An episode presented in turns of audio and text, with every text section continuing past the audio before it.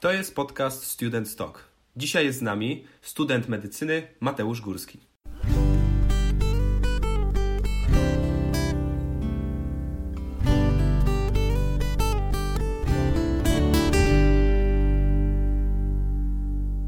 Ale powiem ci, scenerię to masz po prostu najlepszą.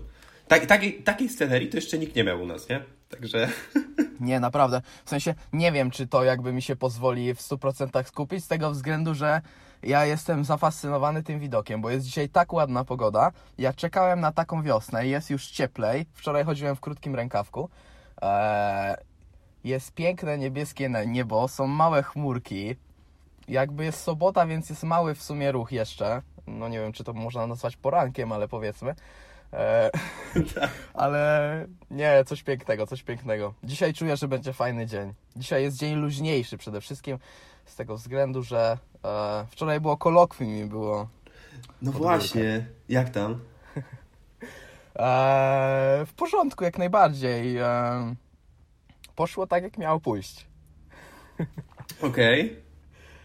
Było w porządku, tak, ale Właśnie e, wczorajszy dzień się nieco różnił od wszystkich z tego względu, że u mnie nie ma za dużo zajęć w ciągu tygodnia, godzin tych zajęć, tak?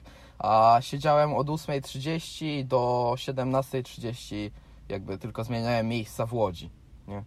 Okej. Okay. Praktycznie cały czas. No i nie, nie ma u mnie takich dni, gdzie bym miał aż tyle godzin. Tutaj zazwyczaj to są pojedyncze jakieś w ciągu dnia um, kilkugodzinne bloki i jakby e, więcej jest po prostu siedzenia w domu. Słuchaj, słuchaj, ale ten, ten twój egzamin wczoraj, no bo ty mi wysłałeś tam tydzień temu, nie, to było dwa tygodnie temu, wysłałeś mi te, tą listę tych, e, bo to były bakterie? Tak, to tak, i to było, tak, w jednej, w jednej kolumnie e, była nazwa bakterii, w drugiej kolumnie mm, budowa, w no, trzeciej no, coś tam. Tak. I ja tak wiesz, popatrzyłem na to i ty mnie pytasz, jaką metodę zastosować tutaj do tej nauki, nie? I od razu jedziemy, tak, metoda ciekawskiego dziecka, metoda wyobrażania Oj, sobie tak. coś tam, pałac Oj, tak. myśli, co nie? I e, dałeś radę jak, jakoś tą No właśnie, powiem Ci, że z tego, co rozmawiałem tutaj ze znajomymi, e, po tym kolokwium już, e, no to było zdecydowanie ciężej niż nasza semestralka z mikrobiologii, tak? Bo tutaj e, praktycznie cały materiał to był jeden temat, tak? Czyli bakterie i jakby cała epidemiologia, tak? W tym właśnie zakażenia skóry, jakby układu oddechowego i tak dalej, e, pokarmowego. I to jest jeden wielki dział, tak? Więc jakby jest dużo możliwości, żeby się wszystko poplątało. I to jest podstawowy problem, gdzie nie za bardzo jest jak zastosować te metody, bo one działają na dość y, wąskim jakby zakresie materiału, nie? Powiedzmy mam tabelkę z antybiotykami, buduję sobie ten pałac myśli i jest super, a do powiedzmy e, nie wiem, jakiejś mikroskopii czy coś, stosuję inną metodę, nie? I jesteś w stanie to sobie jakoś zbudować w mózgu, całą tę mapę myśli, tak? A, a tutaj tak naprawdę musiałbym wybrać jedną metodę i polecieć ten cały materiał tą jedną metodą, no co jest jakby podstawowym błędem, nie? Mhm. Bo twój mózg y, no, przestanie się skupiać. No i to faktycznie było problematyczne, że bardzo monotonnie się tego uczyło, nie? I im więcej okay. potrafisz, tym bardziej zaczynać się mylić. Oj tak, tak, tak, tak, tak, ale nie, naprawdę, wiesz, jak ja to zobaczyłem, to pomimo, że ja też na swoich studiach mam takie rzeczy spore, na przykład teraz mamy prawo, to jak zobaczyłem to, ten twój materiał, no y, sam miałem tak, coś takiego, no nie, ja, ja chyba nie wiem, czy ja bym dał radę starym. Naprawdę, to dla mnie to było wielkie, wielkie wrażenie, no bo tak, ty mm, mm, mm studiujesz medycynę, tak, żeby tutaj wszystkim powiedzieć, to, y, ale no, nie wiem, no dla mnie to było coś po prostu nie do wyobrażenia. Ja na przykład jak teraz uczę się do prawa, no to faktycznie no stosuję sobie tą metodę, nie wiem, ciekawskiego dziecka. Dla mnie to jest po prostu, no taka jedna z ulubionych, nie? Czyli po prostu zadawanie pytań, dlaczego, dlaczego, a mhm. dlaczego tak, a dlaczego nie. Mm, I na przykład jeszcze jak uczę się tego prawa, to uwielbiam przykłady, tak? Czyli na początku są definicje, i potem wszędzie w internecie po prostu przeszukuję każdy artykuł, e, czy to na, e, na naszej bibliotece takiej, wiesz, tam takiej online, czy coś takiego i szukam po prostu jakichś przykładów do danej sytuacji. Bo ja nie jestem w stanie po prostu, nie wiem, wyobrazić tego sobie, bo Dokładnie. ja nigdy o tym nie wiedziałem, nie? To są mhm. jakieś nowe rzeczy. No, Myślę, że to ale... z tego względu, że jakby to jest swój pierwszy kontakt z tym, prawda? Mhm. Mhm. E, I jakby Dokładnie. przykłady same nie, nie, nie, nie wchodzą do głowy. Tak? Bo to są nowe pojęcia, to jest nowy materiał, no musisz się w tym odnaleźć, tak? I jakby, żeby samo ci to wpadało do głowy. Tak, tak, tak. Przecież ja nie wiem, jak wygląda nauka prawa, szczerze. Chociaż miałem prawo medyczne. Już. prawo, prawo medyczne. Stary, co to jest? Prawo medyczne? Eee, no, dobre pytanie. nie, Dobra, nie... To, był, to był taki dział, gdzie nie za bardzo wiedziałem, co się dzieje, szczerze. Wiesz, to jakby łączy się z całą etyką i tak dalej, gdzie, gdzie um, no kwestie są trudne i to bardziej polega na dyskusji czy, czy przerobieniu milionów przypadków, żeby zrozumieć, co się może stać, tak myśleć z wyprzedzeniem i tak dalej. No bo wiesz, jakby w medycynie jest ten problem, że coraz więcej osób jakby podważa zdanie lekarza i podważa decyzję i potem rodzą się pewne prawne problemy. No i to też powiedzmy odstrasza od tego zawodu, tak? Okej, okay, okej. Okay. Gdy możesz naprawdę mieć poważne konsekwencje z tytułu właśnie jakiegoś błędu czy, czy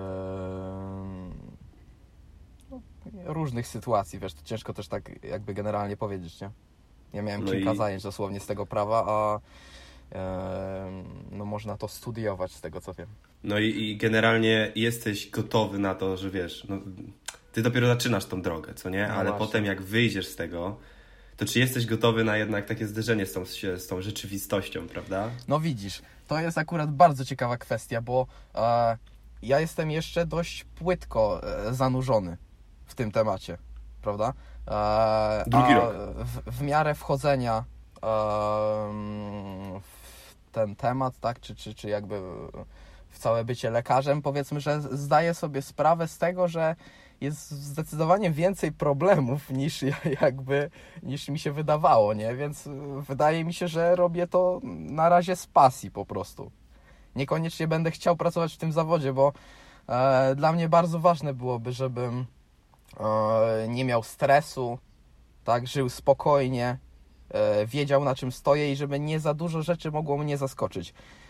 No i faktycznie można wybrać taką specjalizację, gdzie mm, gdzie będzie spokojniej, będzie mniej kontaktu z pacjentem, e, będą w porządku zarobki i da mi to jakieś możliwości rozwoju. E, no a jak nie, to po prostu będę tym lekarzem i może będę miał jakąś inną działalność, która będzie mi przynosiła jakieś dochody. Na przykład będę nauczycielem języków obcych e, we Włoszech. Ale wiesz co, powiem Ci jedną rzecz, bo e, ostatnio Ci tego nie mówiłem, jak rozmawialiśmy. Wiesz co, jakoś jesteś taką osobą, która po raz pierwszy mi to uświadomiła tak bardzo, że generalnie my powinniśmy robić rzeczy, w których czujemy, że to jest dla nas ok. W sensie, że jakoś mamy z tego radość i, i, nie mamy tego takiego wielkiego stresu. I na przykład, mhm. co ostatnio rozmawialiśmy, wiesz, na, na siłowni o tym tam 3-4 dni temu. I powiem Ci, że ja zauważyłem, że są rzeczy, które no na co dzień, które robię i nie wiem, czy z czegoś nie zrezygnować. Ty mi to uświadomiłeś, że faktycznie ja powinienem robić, nawet chodzi o tą pracę, nie? Tutaj też yy, nie wiem po prostu, czy praca w tym mhm. momencie, kiedy łączy to ze studiami i jeszcze z masą innych rzeczy, praca taka, czyli na 3 czwarte etatu mniej więcej, mhm. E, gdzie nie mam tak bardzo dużo czasu dla siebie, tylko po prostu to jest bardzo dużo jakby współpracy z klientem, to powiem Ci szczerze, sam się zacząłem zastanawiać, czy to jest ta droga i czy nie lepiej po prostu powiedzieć sobie ej, Mati, odpuść i zarobki, na zarobki przyjdzie czas, nie w tym mhm. momencie, w tym momencie skup się na rozwoju. Po prostu po raz pierwszy zacząłem o tym myśleć, bo już jednak pracuję tam pół roku. No i zastanawiam się, nie? Zastanawiam się, czy tak jak ty, ty pracujesz też u nas na siłowni, ale jako trener, ale pracujesz zdecydowanie mniej czasowo. E, I, I to jest po prostu wielka pasja, co nie? Wielka pasja, taka pozytywna energia jest stary na tej siłowni. A jak jestem z tobą na recepcji, no bo ja na recepcji pracuję, to po prostu wtorki, wtorki wieczorem, znaczy wtorki po południu, od godziny 17 to są nasze. To są nasze i. Najlepiej. Oj, tak. Tak, e, właśnie a propos tych dwóch rzeczy. E, no faktycznie. Mm, powiedzmy, że ostatnio sobie zdałem sprawę z tego, że już za dużo pracuję. Tak? I, i dopiero jestem po decyzji, że, że jednak zmniejszam to niemal dwukrotnie, tak? Gdzie em, będę miał tylko wtorki i środę i to będzie powiedzmy 6 godzin w sumie w tygodniu. Tak? Wydaje się to bardzo mało. No ale jakby jest to i tak dość dużo porównując do tego, co ja robię w ciągu dnia i w ciągu tygodnia, tak? Ciężko wygospodarować 7 godzin, ale e, jest to taka idealna ilość, gdzie nie czuję, że robię to dla pieniędzy i nie czuję, że w jakikolwiek sposób poświęcam cokolwiek innego, żeby móc przyjść na tę siłownię. Tak już pomijam fakt, że przychodząc e, we wtorek e, na 17 to jest mój ulubiony jakby moment w tygodniu, tak? Ale, e, no ale właśnie, tak, trzeba, trzeba znaleźć to optimum, tak? Tak, faktycznie mm, my w momencie, kiedy faktycznie się tam spotykamy, my rozmawiamy, rozkminiamy każdy temat. Sami zastanawialiśmy się, czy nie położyć dyktafony tam i po prostu nie, nie zacząć nagrywać podcastów w tamtym momencie. Um, nie, ale wiesz co, fajnie. Um, te, teraz to widzę, że mieć taką osobę obok siebie, czyli osobę, która jest też nastawiona na rozwój, która jest nastawiona na pewne in, inne takie podejście po prostu do życia, co nie? Na taką wiedzę, na, na, na. No nie wiem, nie spotkałem osoby, która skupia się na medytacji, która słucha sobie Chopina. Dla mnie jest to wielka inspiracja, sam to robię, ale powiem Ci, że mieć taką osobę obok siebie, no nie ukrywam, po prostu jest to dla mnie stary bardzo, bardzo ważne. Mam, je, właśnie mój, mój kuzyn jest też taką jakby osobą, ale nie mam go niestety mhm. bardzo blisko siebie. Um, ale powiem Ci, że mieć takie grono takich ludzi, to taką armię takich, wiesz, po prostu ludzi, którzy inspirują, to w ogóle wydaje mi się, że to jest coś, co jest najważniejsze, może jedne z najważniejszych. Czasami w rodzinie też są takie osoby, ale no tak, no to jest niesamowite. No tak jak mówisz, myślę, że yy, walczę codziennie o tę armię. Tak, tak, tak. Bo no jednak to jest, to jest kwestia priorytetów, tak, ale myślę, że dużo dla mnie znaczą ludzie. I że to jest coś, czego nie mogę się e, pozbyć, tak? Nie mogę jakby przesadzić z rozwojem osobistym i siedzieć tylko w mieszkaniu i powiedzmy nauczyć się włoskiego w dwa tygodnie, nie spotykając się z ludźmi, tak? Jakby e, ten moment, kiedy przychodzę na tę siłownię, tak, do pracy, i dookoła jest pełno ludzi, to jest naprawdę coś fantastycznego, tak? Ja sobie dopiero zdaję wtedy sprawę z tego, jak dużo właśnie znaczą dla mnie ci ludzie, tak? Bo ja no wszystkim tam, wszystkich tam znam, tak? tak jak zresztą ty. I jakby z każdym poruszyć jakiś temat, jesteś o to doświadczenie bogatszy, nie? Z tego powodu choćby nie chciałbym z tego rezygnować, bo no nie wiem, to, to się wydaje wręcz nie, niemożliwe dla mnie, że mogę dostawać pieniądze za coś, co mi sprawia taką przyjemność. Tak, tak, tak, tak. I wiesz co, to co powiedziałeś, nie? Że, że mamy mamy tych ludzi, ty walczysz o nich tak naprawdę, no w cudzysłowie walczymy, no bo tak naprawdę to wszystko jest naturalne, e, bo jesteśmy po prostu, mhm. załóżmy, e, sobą, ale dobra, no, znamy, znamy, wiemy o co chodzi, ale Mocny tak, temat. wyjaśnimy to może, ale wiesz co, te studia, w tym momencie, jak ty jesteś na drugim roku, ja jestem na pierwszym, to jest po prostu tak idealny moment do tego, żeby tych znajomych, to, to, to grono tych po prostu ludzi zdobyć. A właśnie, historia z dwa dni temu na studiach, słuchaj, to, to jest dla mnie niesamowite a propos tego, jak dużo jest ludzi wokół nas, którzy są po prostu wielko, mogą być wielką inspiracją, a my sobie nawet nie zdajemy z tego sprawy. Uwaga. Historia była taka. Na studiach, my mamy też, łączymy się też przez Zooma. E, ja mam na kierunku mam 40 osób. I słuchaj, e, zostaliśmy podzieleni na pokoje trzyosobowe. I generalnie e, w Zoomie był jakiś, był jakiś błąd, co, co, coś, się, coś się wydarzyło, że zostaliśmy połączeni do pokoju trzy osoby. Ja, kumpel z Azerbejdżanu i kumpel z Ukrainy. Połączyliśmy się w jednym pokoju i my wcześniej ustaliliśmy, ja nigdy z nimi nie współpracowałem. To jest po raz pierwszy, kiedy, e, u, kiedy tak naprawdę zobaczyłem ich, po prostu chwilę pogadaliśmy na kamerce. No i słuchaj, połączyliśmy się i problem polegał na tym, że nie byliśmy w stanie w tym pokoju połączyć się z profesorem, dlatego że profesor od pokoju do pokoju przechodził i dyskutował na temat, który będziemy mieli za tydzień. I nie udało się u nas. Po prostu się tego nie udało i nie mógł się do nas dobić, a my nie mogliśmy wyjść, bo jak wychodziliśmy, to profesora wywalało z tamtego pokoju. z tego głównego. I tak cały Aha. czas. I Okej. słuchaj, e, tam jest 13, my mamy zajęcia do 14, y, tam y, 40 około. I przez półtorej godziny siedzieliśmy w trójkę w jednym pokoju, bez całej grupy. I na koniec oczywiście co było psz, wywalone, nie ma nas po prostu w meetingu, jesteśmy totalnie jakby zakończyło się spotkanie, nic nie wiedzieliśmy co zrobić dalej, ale przez te półtorej godziny, kiedy byliśmy razem w trójkę w pokoju, ci ludzie pokazali mi, że ja, jak ich nie widziałem wcześniej, to myślałem, że tak, ten jest taki, ten jest taki. Stary, kompletnie, ale to kompletnie zmieniłem o nich zdanie. Po prostu za szybko, e, patrząc na nich wcześniej po prostu tylko na ikonki, jakoś ich oceniłem. I, i, i na przykład ten gościu z Azerbejdżanu, Javidan, on słuchaj, zaczął temat na temat, e, zaczął temat na temat, zaczął mówić o, e, o filozofii, zaczął mówić w ogóle, wiesz, jak on się tym inspiruje, że on tutaj już studiuje i to jest jego trzeci kraj, że on umie pięć języków. Aha. i ja, wiesz, takie oczy zrobiłem i no tak, ja też umiem, także nie no, ja dopiero, wiesz, no, zaczynam tą naukę języków, a on, wiesz, był tutaj, był tutaj, Włochy, Azerbejdżan, Turcja, Ten e, facet,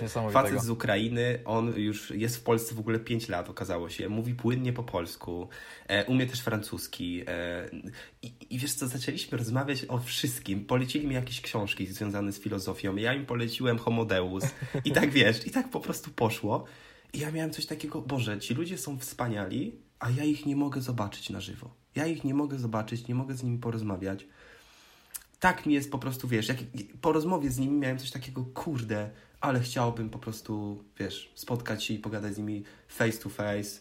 E, no, ale no to nieważne, po prostu taka historia, że oni są na moim kierunku i pewnie i na pewno nie są jedyni, którzy są, mogą być taką inspiracją, e, a ja po prostu o tym nawet nie wiedziałem.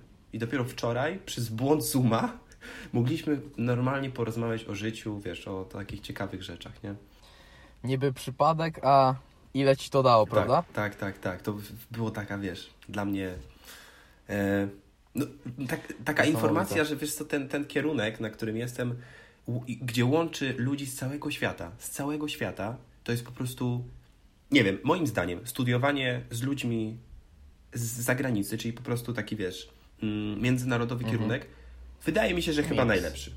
Nie wiem, nie mam doświadczenia w innym, ale wydaje mi się, że jeden Aha. z najlepszych opcji, jedna z najlepszych opcji, czyli jeżeli ktoś by się zastanawiał, czy próbować, nawet pomimo, że angielskiego nie ma na super poziomie, bo przyznam się, że mój angielski nie jest na świetnym poziomie, więc jakby e, spokojnie można sobie poradzić. Nie ma żadnych przeszkód, bo to nie jest najważniejsze. Nie jest najważniejszy poziom języka angielskiego. Jeżeli nie mamy na C2 czy na C1, to znaczy, że nie możemy studiować po angielsku. W ogóle nie ma czegoś takiego. Mhm. To są jakieś stereotypy.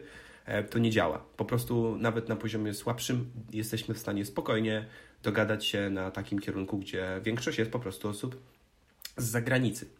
No więc, a właśnie, jeszcze słuchaj, podczas tej rozmowy wczoraj, czy to nie, to było przedwczoraj, no nieważne, powiedzieliśmy sobie, że plus taki, że my jesteśmy z różnych tak naprawdę miejsc na świecie, my nie, nie jesteśmy w stanie siebie ocenić. Bo ja nie ocenię go, dlatego że on coś mówi, bo ja od razu mówię sobie, no to taka kultura, nie? U niego taka kultura, to jest Aha. jego naturalne zachowanie, ja nie będę go oceniał. I my nie jesteśmy w stanie spojrzeć na siebie ze złej perspektywy, tylko po prostu jesteśmy zainspirowani, zaciekawieni tą drugą osobą. Żeby tak, wiesz, poszerzyć horyzonty. No jest to coś niesamowitego, tak? Że jesteś w stanie poznać tak wiele ludzi z tak wielu zakątków świata i z tak wieloma poglądami, tak? Bo przecież e, myślę, że miejsce, w którym mieszkamy i ludzie, z którymi obcujemy, jakby na co dzień, choćby wychodząc do sklepu, mają niesamowity wpływ na to, jak się zachowujemy, o czym myślimy, e, jakie są nasze właśnie takie poglądy, jakby choćby na tematy życiowe. E, no także, no cóż, tylko pozazdrościć, tak? Ja jeszcze na moich studiach nie poznałem osoby z zagranicy, choć myślę, że to się zdarzy wkrótce, bo no, y, moja uczelnia jest największą uczelnią medyczną w Polsce, tak? Więc e, dużo mamy osób z zagranicy, tak? Jest kierunek lekarski dla osób z zagranicy, tak? Po angielsku, e, co też jest lekkim odjazdem. Ale wiesz co, ale u ciebie fajne jest to, że ty masz ludzi z całej Polski. Ty tak mi mówisz, że je- tu jedziesz do koleżanki, do Krakowa, tu do kolegi, do Warszawy, e, tutaj do Gdańska, Szczecin. Ja, ja tak tego słucham i wow, nie? Po prostu, że ty sobie tak, tu znajomy z kierunku. i tu jedziesz i tu. I po prostu popatrz, jak to otwiera poznawanie świata, nie? Szczególnie, że ty jesteś osobą, która kocha podróżować. Po prostu to jest chyba twoja wielka pasja. I to jest bez... Numer jeden. Tak, dokładnie, nie? Teraz, jak jest ten koronawirus, no to faktycznie ciężej z tym, z tym podróżowaniem. Przykro po Jest prostu. ciężej. Ale i tak te, tęsknisz, co? Za na przykład za Włochami, no bo ty to, to po prostu... No nie ma dnia, nie ma dnia, powiem szczerze. To jednak e, ja zawsze żyłem między podróżami, tak? Wiesz, jedna się kończy, zaczynam planować drugą, tak? Gdzieś tam wieczorkami, 15 minut poskroluję sobie Instagrama z jakimś hashtagiem odnośnie podróżowania i może się jakoś zainspiruję, tak? Chciałbym obejrzeć wszystkie te miejsca, gdzie e, nie ma ludzi. Nie ma ludzi, a są piękne, tak? I no to by było coś pięknego. To a propos tego właśnie, ostatnio zdałem sobie sprawę, że e, no już pomijając ten fakt, że teraz jest lekka przerwa, już rok, w związku z koronawirusem, to jednak mało mi czasu zostało na to zwiedzanie świata, tak? Bo przyjdzie moment, kiedy dużo rzeczy będzie mnie wiązało z, z miejscem zamieszkania, przynajmniej statystycznie, tak? To w zależności od tego, jaką bym wybrał pracę i e, jakimi ludźmi bym się otaczał, ale powiedzmy, że do końca studiów mam 3 miesiące wolnego w każdym roku. I nie wyobrażam sobie, żebym mógł zostać w Łodzi i powiedzmy pracować wtedy. Myślę, że to z góry należy jakby e, zadecydować, że absolutnie tak nie będzie. E, To też ostatnio z rodzicami rozmawiałem na ten temat, że jednak powinienem wykorzystywać każdą wolną chwilę na zobaczenie jak największej e, części świata, tak? Zobacz, że ja mam jeszcze przed sobą 4 lata, tak? Bo jestem na drugim roku 6 lat e, studia na lekarskim.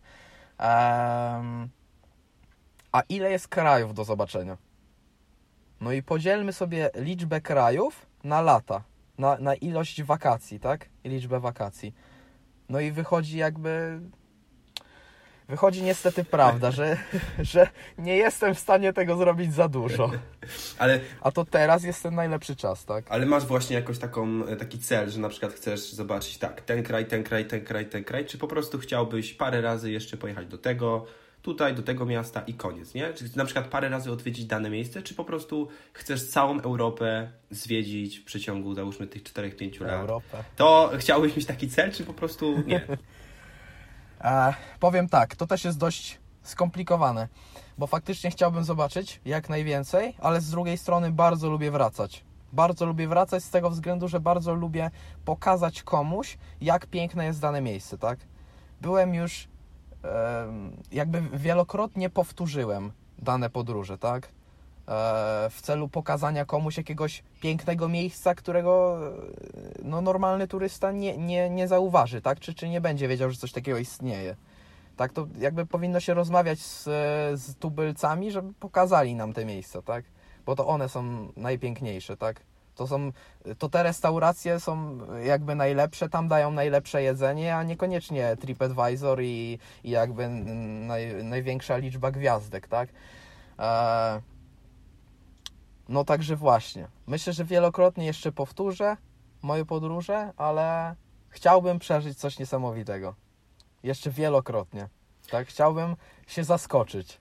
Dobra, to słuchaj. I mam nadzieję, że tak będzie. Czy te wakacje, e, rejs e, i ty jako kapitan, czy tutaj możemy tą sytuację opisać, bo jest to dla mnie bardzo ciekawe. I, czyli tak, 7 osób na pokładzie, Włochy, ty kapitan i płyniecie sobie po e, po prostu, no, ile tam będziecie się oddalać, załóżmy, mile, dwie mile? Nie, to to nie tak wygląda.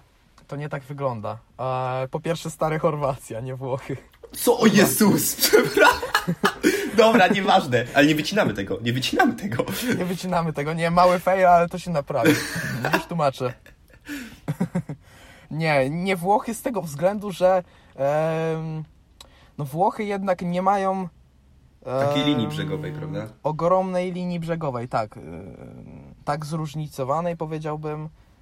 No i tak długiej przede wszystkim, tak? Chorwacja z tego względu, że ma masę wysp, ma, e, no nie wiem ilukrotnie większą, dłuższą linię brzegową niż Polska, no powiedzmy, że 10, tak, albo, albo jeszcze więcej. Jest tak wiele miejsc do zobaczenia, możesz opłynąć każdą zatoczkę, stanąć sobie w jakiejś, e, między jakimiś wyspami, gdzie można e, spać na kotwicy, e, wiesz, jest cisza, słyszysz te tylko, tylko te e, owady, które robią cyc, cyc, cyc cały czas. Nad tobą są gwiazdy. Coś tam sobie szumi lekko morze. Rybki pływają. Piękna, gorąca woda. No, coś niesamowitego. To jest taki chill, taki chill. Jeszcze jakaś piękna muzyczka w tle. Okej, okay, ale powiem Ci, że odpowiedzialność, jaką Ty będziesz musiał tutaj ponieść, no bo jednak masz ile osób? Siedem, tak? Siedem osób. Siedem tak. osób, Ty jako kapitan. E, dlaczego? No bo jakby masz kursy zakończone na... Jak, jak się nazywa? To jakby, że wiesz... No tak, to są, to są odpowiednie uprawnienia. Jest tego trochę, także... Okej, okay, no nieważne. Trzeba się jakby nieważne. Tak. E, I masz uprawnienia, że możesz prowadzić taki... Możesz, ym, jak, jak to można powiedzieć, prowadzić taki rejs, tak? Że jesteś jakby odpowiedzialny tak jest, za cały rejs, jesteś tym kapitanem. Mhm. Od, od, odpowiadasz za 7-8 osób na pokładzie. I powiedz, czy, no w sensie, no jak Ty do tego podchodzisz, nie? No bo jednak to będzie tydzień podróży, E, nigdy sam czegoś takiego nie robiłeś. Takim wielkim jachtem. Mhm. No wow. Się, może, może nie tak, że, że nigdy tego nie robiłem, bo to by faktycznie było dość. E, e, jak to powiedzieć? Nieodpowiedzialne. E, nieodpowiedzialne. Tak, to, to myślę poprawne słowo. Nie, zdecydowanie nie. Wybraliśmy mniejszy jacht tak? A ja zdawałem egzamin na zdecydowanie większym, tak? Jakby to jest podstawowy problem, wielkość jachtu, bo port jest jeden, tak? Manewrować Fiatem 126P w Galerii Łódzkiej bez problemu. Manewrować e, 50-metrowym tirem w Galerii Łódzkiej, no już ciężej. Także e, to jest ten podstawowy problem, tak? Nasz jacht będzie miał 37 stóp, ja zdawałem egzamin na e, 44, Także no jest to zdecydowanie większy jacht, tak? To jest około 15 metrów, także 14 metrów, to sobie wyobrażasz. Jest to niesamowita odpowiedzialność, to prawda, ale jakby pewność siebie, jestem na wszystko gotowy, tak? Po to się przygotowywałem już długo, długo, długo. Mam nadzieję, że będzie wszystko w porządku, tak? W sensie wiesz, no dla mnie nie spotkałem osoby, która w takim wieku 21 lat e, wypływasz na. Jeszcze. Tak. No tak, jeszcze dokładnie. Tak, no. Wypływasz, wiesz, na, na morze Chorwacja. Kurde, wiesz co, najbardziej to, te widoki, co nie? Te widoki, że wiesz, w nocy gwiazdy.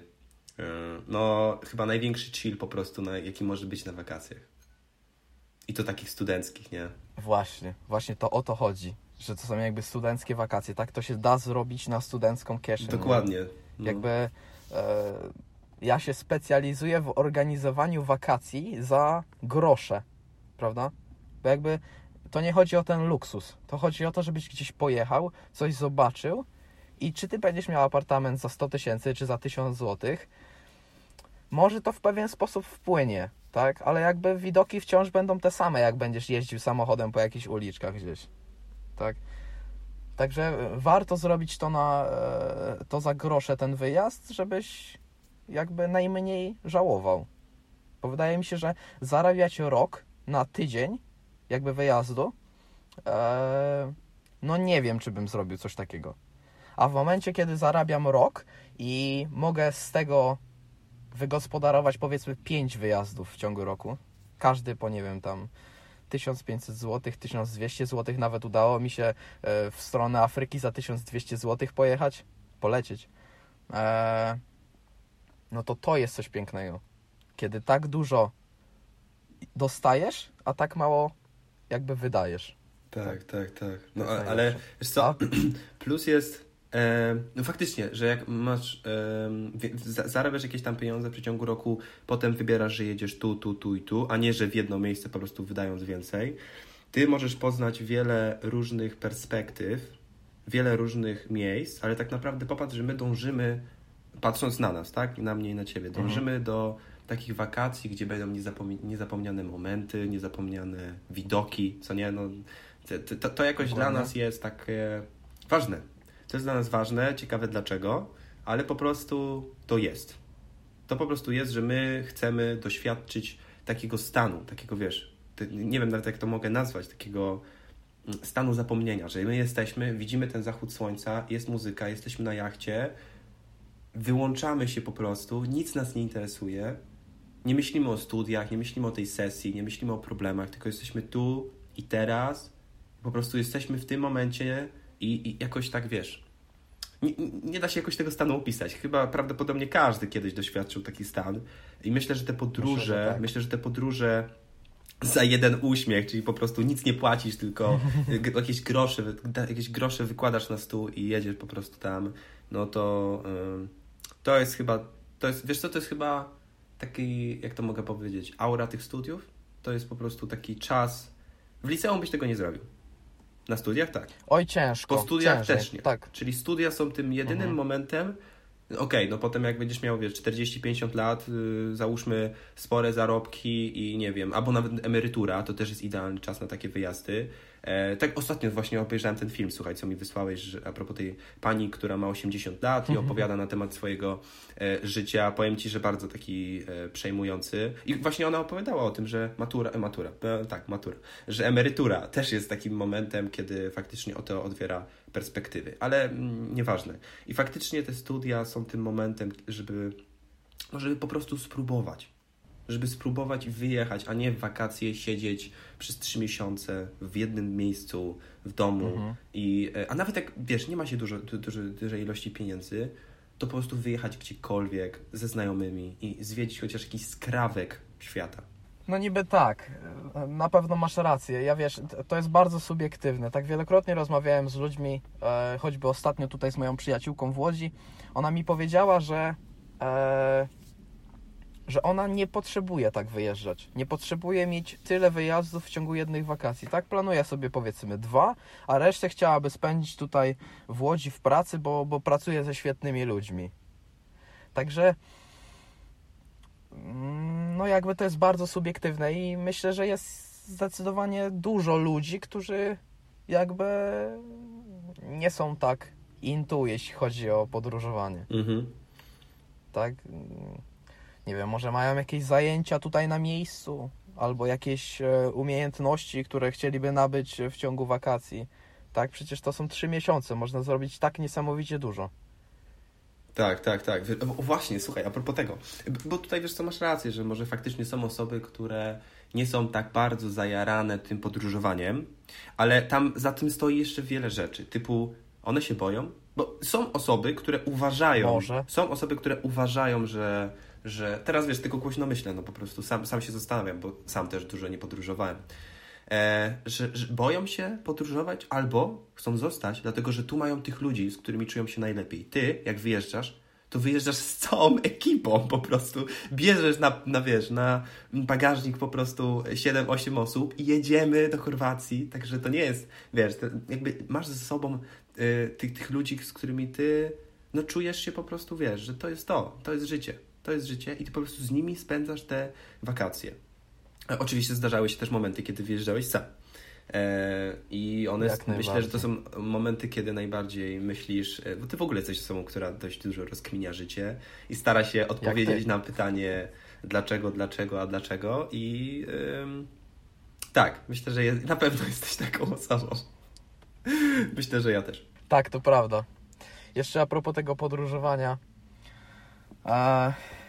No ja jestem ciekawy, czy, czy te osoby, którym tak teraz nie zależy, czy one powiedzmy, y, jakby już będąc y, takim y, no, starszą osobą, czy, czy, czy nie będą tego żałowały, tak? Że jednak były całe życie związane z Polską, trochę pojeździły, ale w sumie to nie wiedzą o co chodzi z tą Afryką, o co chodzi z tymi Stanami, tak? No ja bym chciał jednak zasmakować tego wszystkiego. Choćby, żeby wiedzieć e, o czym mówią, prawda? Tak, wiesz co, to wszystko, o czym teraz ty powiedziałeś, to, to, to jest po prostu e, taka kropka nad i tego, co właśnie zaraz ci powiem, tego, co usłyszałem, jak oglądałem, ty pewnie też, na TEDzie, mhm. rozmo- to był, czekaj, wtedy na scenie e, był Jacek Walkiewicz. Pamiętasz, Jacek Walkiewicz, jasne, najpo- tak. najpopularniejszy film na polskim TEDzie. Teraz w tym momencie ma chyba 6,5 miliona wyświetleń. I słuchaj, on powiedział coś takiego, że podróże kształcą. Podróże kształcą, ale tylko ludzi wykształconych. Bo zauważ, pojedziesz sobie do Egiptu, podejdziesz pod piramidę, spojrzysz na nią. Hmm, wydawa- Jest. Wyda- jest, wydawała się większa i spadamy. Nie, tam, tam trzeba zatrzymać się, refleksja, pomyśleć, wiesz, nad tym, Boże, ci ludzie zbudowali to mm, bez tych, tej całej technologii, którą mamy w tym momencie, prawda? I po prostu my jesteśmy w stanie się nauczyć, ale wtedy, kiedy my w ogóle rozumiemy trochę świat. Rozumiemy trochę świat i to wszystko jest o tej, wiesz, o takiej, o tej, o takiej edukacji, co nie? Żeby, żebyśmy my byli w stanie powiedzieć sobie, że to jest takie, to jest takie, to jest takie. Doświadczać po prostu wielu tych rzeczy, że nie, zamykać się na jedną daną sferę, tak? Czyli na przykład ja studiuję business management, to będę się uczył całe Mhm. życie o biznesie. No nie ma takiej opcji nawet. Ty lekarski, to całe życie lekarski. Stary, ty łączysz to jeszcze z profesjonalną, mogę powiedzieć, siłownią. Ty po prostu łączysz, z jednej strony masz medycynę, z drugiej strony masz rozwój osobisty, z trzeciej masz po prostu dbanie o wygląd, o sylwetkę, o dietę, o, o w ogóle o całe jakby twoje, taką twoją maszynę, te, to jest to całe to takie twoje ciało po prostu, to i wiesz, jeszcze te to podróżowanie, e, ty w wielu dziedzinach, języki, właśnie, ty w wielu dziedzinach po prostu rozwijasz się, nie zamykasz się na, na, na wiesz, na przykład właśnie na tylko medycynę, prawda? No i to jest chyba największy właśnie taki plus tego takiego wyjścia poza ramy, żeby spróbować coś nowego.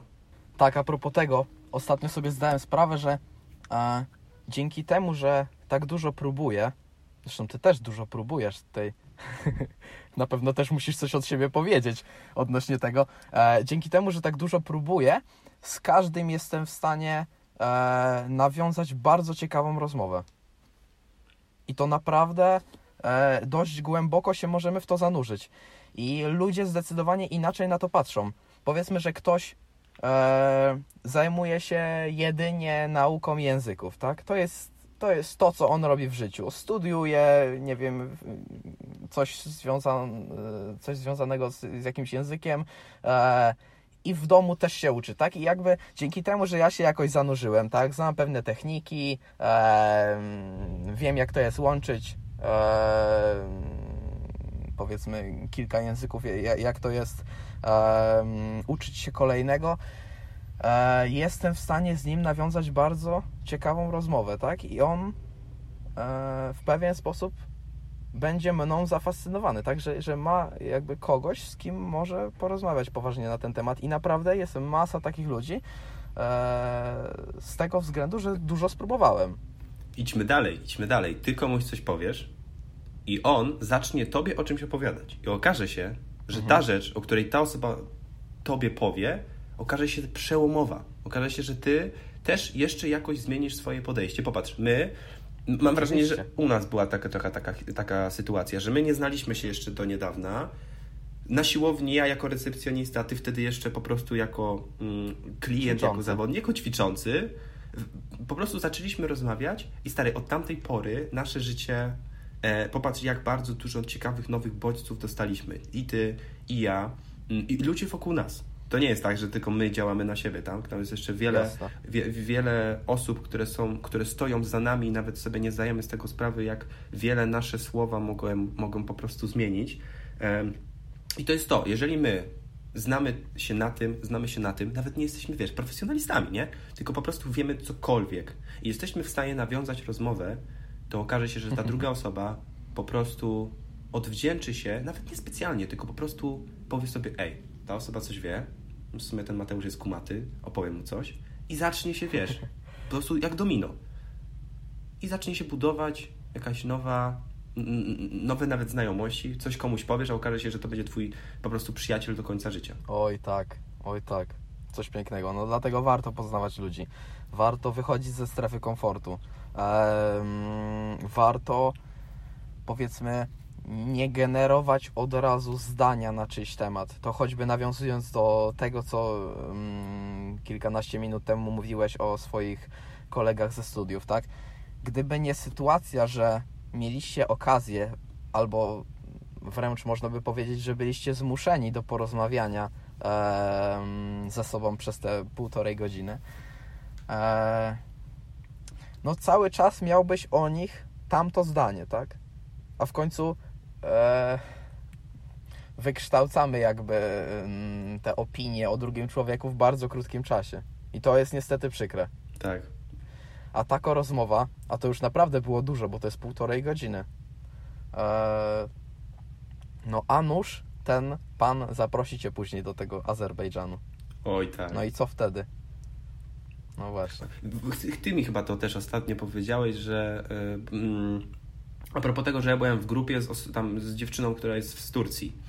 I popatrz, mhm. ma, mając dobry kontakt z taką osobą, ja mogę ją tak zaprosić tutaj po podróż po Polsce, ona może mnie zaprosić do Turcji na tydzień, żeby po prostu pozwiedzać kraj. A gdybym ich nie znał na tych studiach, gdybym nie wyciągnął do nich dłoni albo oni do mnie i byśmy nie zaczęli rozmawiać, mhm. to by nic takiego po prostu nie powstało. Nie, nie, nie poznałbym ludzi, którzy są z innych krajów i bylibyśmy w stanie, wiesz, po prostu pojechać tam chociaż na, chociaż na chwilę, chociaż po prostu na chwilę. No liceum mnie tego nam nie zagwarantuje, bardzo rzadko. Bardzo rzadko są licea, w których ludzie są nastawieni tak bardzo na podróżowanie z różnych krajów. No raczej to są studia prawda? No, ty, no patrz, tak, ty masz, tak, jasne. Ty masz, ty masz ile osób na studiach? 800? Czy znaczy na początku? 600, 600. 600. Na początku było y, ile? Dokładnie, 800 było na, na pierwszym roku. I popatrz, jak to, i popatrz, 850 chyba. Dokładnie. Popatrz, jak to poszło, mhm. że ty masz tyle ludzi, i tak naprawdę, no oczywiście nie znasz wszystkich, nie? No jakby to jest nierealne.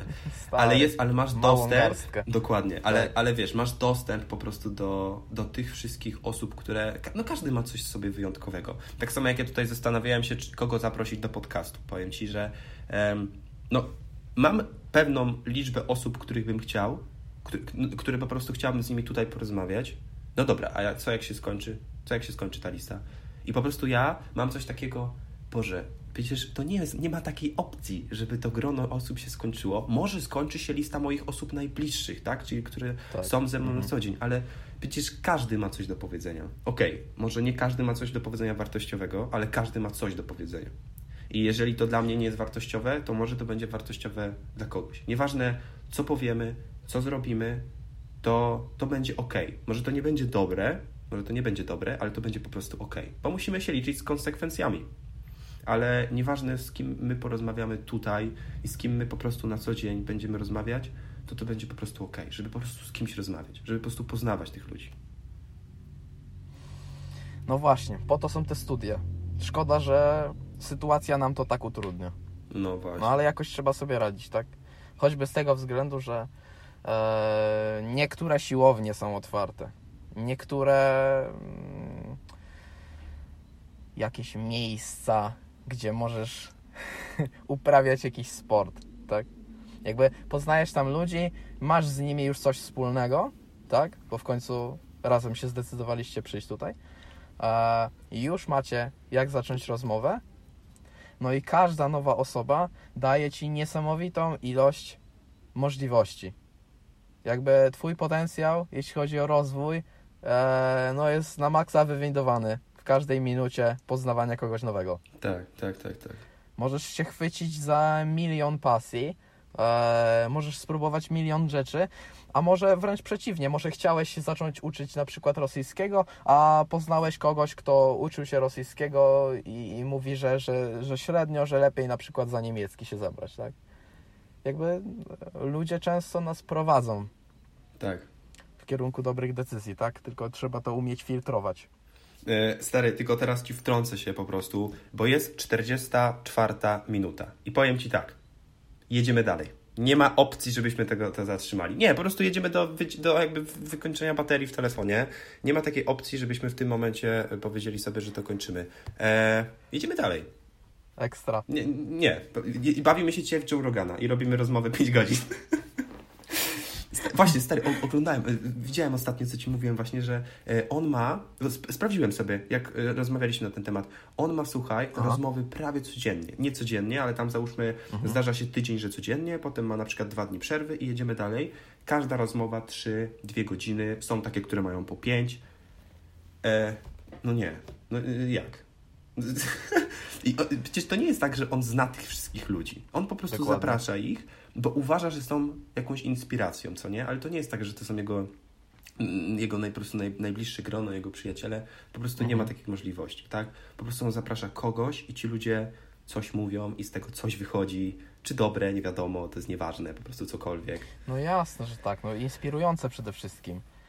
Tak, tak, mm, tak dużo jakby ma tych e, rozmówców, że no, no to jest coś niesamowitego, tak? Ale wiesz, tam przychodzą też e, ludzie, którzy osiągnęli niemożliwe wręcz. Tak, choćby ja właśnie cały czas katuję ten wywiad z Elonem Maskiem, bo on ma prawie 4 godziny. Jakby jak oni mogli tam siedzieć 4 godziny, no ja sobie nie wyobrażam. Przecież ja się nie mogę oddalać na dalej niż 2 metry od lodówki, a oni 4 godziny siedzieli przed mikrofonem. No coś niesamowitego. Ale jakby e, oni zupełnie nie byli zmęczeni tą rozmową, tak? Cały czas ta rozmowa się super kleiła. E, no i wow, ile ja w ogóle mam rzeczy do przeczytania, jakby artykułów e, odnośnie osiągnięć tego Elona Muska, tak? Tak, tak, No tak. to jest coś pięknego. Na pewno jest jakaś biografia, także myślę, że się muszę za nią zabrać, bo jakby to jest też coś, w co chciałbym iść. Tak, on ma bardzo dużo pieniędzy i w związku z tym e, no stawia na rozwój, ale nie tylko swój, ale rozwój jakby całego świata. No gdyby nie on, to prawdopodobnie za kilkanaście lat e, moglibyśmy być w tym samym miejscu. Tak, tak. Przynajmniej tak mi się wydaje.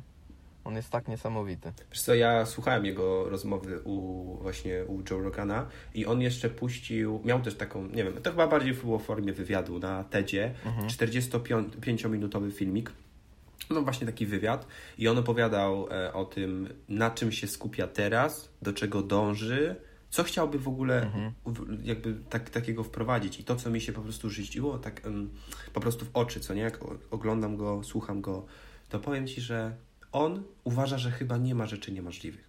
On teraz Bardzo możliwe. on teraz, on, on ma jakby takie, tak, takie przeświadczenie, ja zrobię wszystko. Ja zrobię z moim całym zespołem wszystko. Ja zmienię ten świat. On teraz pracuje nad tym, no on i cały, cały, cały team, to nie jest tak, że to jest jego indywidualna praca. On pracuje nad tym, żeby w Los Angeles, żeby, słuchaj, zbudować tunele do tego, żeby samochody mogły przemieszczać się tam, a nie na powierzchni. Nie tak jak w tym momencie, żeby nie było korków. I oni już to zaczęli robić, nie? Oni zaczęli w Los Angeles budować te tunele. Do tego em, teraz planuje zro- zbudować tą cywilizację na Marsie. Do tego coś tam. Teraz, ty wiesz, cały czas pra- pracuje nad tą Teslą, nad tymi elektrycznymi e, samochodami. I jakby co się dzieje? A jakby wiesz, no ja nie widzę tego na co dzień obok siebie, tak? Ja mam to tylko w Dokładnie. internecie. To jest jakiś świat tak naprawdę spoza w ogóle, wiesz, jakby ziemi, a okazuje się, że to jest obok nas, to jest tak naprawdę, no wiesz, no po drugiej stronie oceanu, ale chodzi o to, że to istnieje, to jest. I my musimy podążać za tym, bo to jest przyszłość. Jeżeli my w tym momencie zatrzymamy się i pomyślimy sobie, no, no to ja będę ćwiczył, e, nie, ja będę kierowcą tira. Tak, to jest moja wielka pasja. Spoko. Tylko, że pamiętasz tę książkę Homo Deus. W 2033 roku prawdopodobieństwo, że jeszcze kierowcy tira będą istnieć, to jest 2%. Co nie? To, że na przykład zostaną ratownicy, tacy ratownicy pierwszego kontaktu, że w 2033 roku będą, to prawdopodobieństwo jest 7%. Coś takiego. I wiesz, i to jest takie, to jest nasze życie. My musimy podążać za tym, bo jak nie, to my się zgubimy.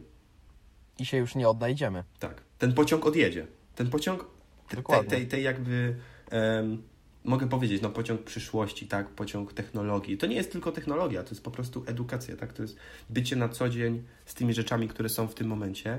To jeżeli my nie wejdziemy do tego pociągu i ta stacja zostanie opuszczona przez ten, przez ten pociąg, no to może być już ciężko, żeby potem złapać ten pociąg. Taka metafora tutaj filozoficzna. Nie no, jak najbardziej to prawda. No, teraz jest intensywny rozwój, tak? Całego świata. Eee, nie próbując ogarnąć tego wszystkiego, może się jednak okazać, że, że już się nie odnajdziemy, tak? To nie, jest, to nie jest coś, co można nadrobić w krótkim czasie. Mhm. mhm. Tak. Choćby z drugiej strony, jakby to jest wciąż prawdopodobieństwo, to, co o tym, to, o czym mówiłeś, tak, że, że ratownicy medyczni mogą zostać zastąpieni. No z drugiej strony w tej samej skali e, najbezpieczniejsze jest zostać archeologiem, bo nie ma szans, że, że zostanie on zastąpiony, tak? Przecież na samym dole był, tak? E, no ale czy to powinna być nasza droga, żebyśmy byli archeologami? No niekoniecznie, także e, faktycznie daje to do myślenia, ale jakby e, no znów statystyka, tak? Nie, nie wierzyłbym w 100%. Wiesz co, tutaj się wtrącę i powiem tak. Oni, tak, znaczy ten autor tej książki Homo Deus, e, nie wymienię jego imienia, nazwiska, nie pamiętam, nie jestem w stanie, to jakieś dziwne. I, i słuchaj, jak na przykład jest to prawdopodobieństwo, że te zawody się skończą, okej, okay, ale prawdopodobieństwo, że nowe zawody powstaną, to jest 100%. O, po prostu tyle nowych oczywiście. zawodów powstanie, o których my sobie nie zdajemy pojęcia. Sytuacja z ostatniej chwili. E, na, to, na ostatnich zajęciach rozważaliśmy temat, taki problem ghost work.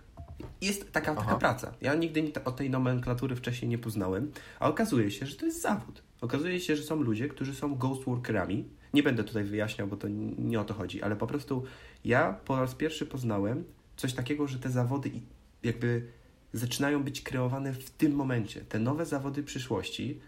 I dlatego tak ważne jest być na co dzień, bo okej, okay, może kierowca tira, stary, no kiedyś kierowca tira zostanie zastąpiony przez po prostu tak, elektryczny, bo to nie ma takiej... Kwestia czasu. Dokładnie. Ale dzięki temu powstaną nowe zawody, które jeżeli osoby, które będą w stanie jeszcze troszeczkę dorównać maszynom, co to znaczy dorównać? Maszyny zawsze będą lepsze od ludzi pod względem takiej tak. produktywności, tak. ale pod względem nawet takiego myślenia, to my jesteśmy jeszcze, mamy taką przewagę, bo to my tworzymy bazę danych dla na przykład sztucznej inteligencji. To my, to, my jako ludzie, tak, tak? Inteligencja się uczy, ta sztuczna, ale my te bazy, te bazy jakby danych tworzymy. Więc jeżeli my będziemy w stanie podążać za tym, uczyć się tych rzeczy, to będzie ok, to się nie zgubimy. Ale jeżeli nie, no to będziemy mieli, nie wiem, no tak mi się wydaje, że mogą być po prostu potem problemy ze znalezieniem pracy. Wiesz, no tak mi się wydaje po prostu w tym momencie. No tak, jak najbardziej, wiesz, to też, czy to będzie nas dotyczyło? No ciężko powiedzieć, no żyjemy w kraju, w jakim żyjemy, tak? Rozwój jest, rzekłbym, spowolniony. Nie wiem, czy to odpowiednie słowo, e, ale, ale faktycznie to, co wykształceni ludzie w tej chwili robią, tak?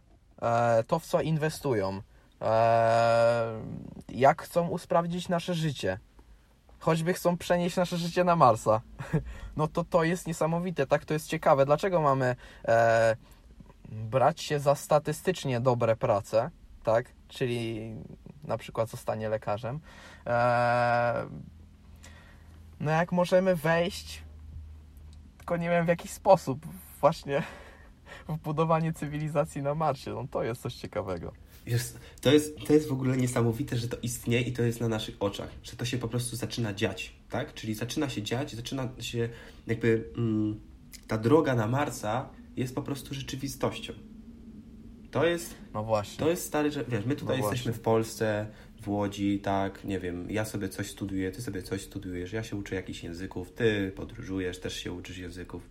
A tak naprawdę to jest jeszcze coś. Jest tak, jakby jest obok nas coś, czego my nawet nie zdajemy sobie sprawy. Teraz głównym tematem tego, tego, tego całego świata jest po prostu koronawirus. Tak? To jest główny temat. On wygrywa ze wszystkim w tym momencie. Mm -hmm. Ale nie możemy zapominać o tym, że to się skończy, będą inne rzeczy, będzie jakby to wszystko pójdzie i tak dalej do przodu. Świat się nie zatrzyma przez koronawirusa. Pójdzie dalej. Pójdzie jeszcze, okej, okay, no, może, że tak. może mam jakieś, przy... może to jest moje jakieś tam założenie, ale wydaje mi się, że w momencie, kiedy ten koronawirus inaczej, ten, ten etap tego całego e, siedzenia w domu, ten jakby, że jak już się wszyscy załóżmy zaszczepią i skończy się to, to świat będzie wyglądał inaczej. Już wygląda inaczej. On się zmienia każdego dnia ale ta różnica w tym, co było dwa lata temu i tym, co będzie teraz, będzie chyba największą przepaścią. Oczywiście, to jakby to jest, to jest właśnie ten skok technologiczny, tak? Kiedy następował największy skok technologiczny? Po każdej wojnie. I jakby teraz powiedzmy, że tę wojnę ee, tą wojną jest koronawirus, tak? I jest to idealny moment, kiedy zdajemy sobie sprawę, jak dużo rzeczy jest nam niepotrzebnych, co można zoptymalizować, tak? Nikt sobie z tego nie zdawał sprawy. Jakby tak, zdecydowanie masz rację. Myślę, że myślę, że to jest czas zmian. To jest czas ogromnych zmian. Tak, to Gdzie właśnie jeśli prześpimy najbliższy rok, to się już nie odnajdziemy.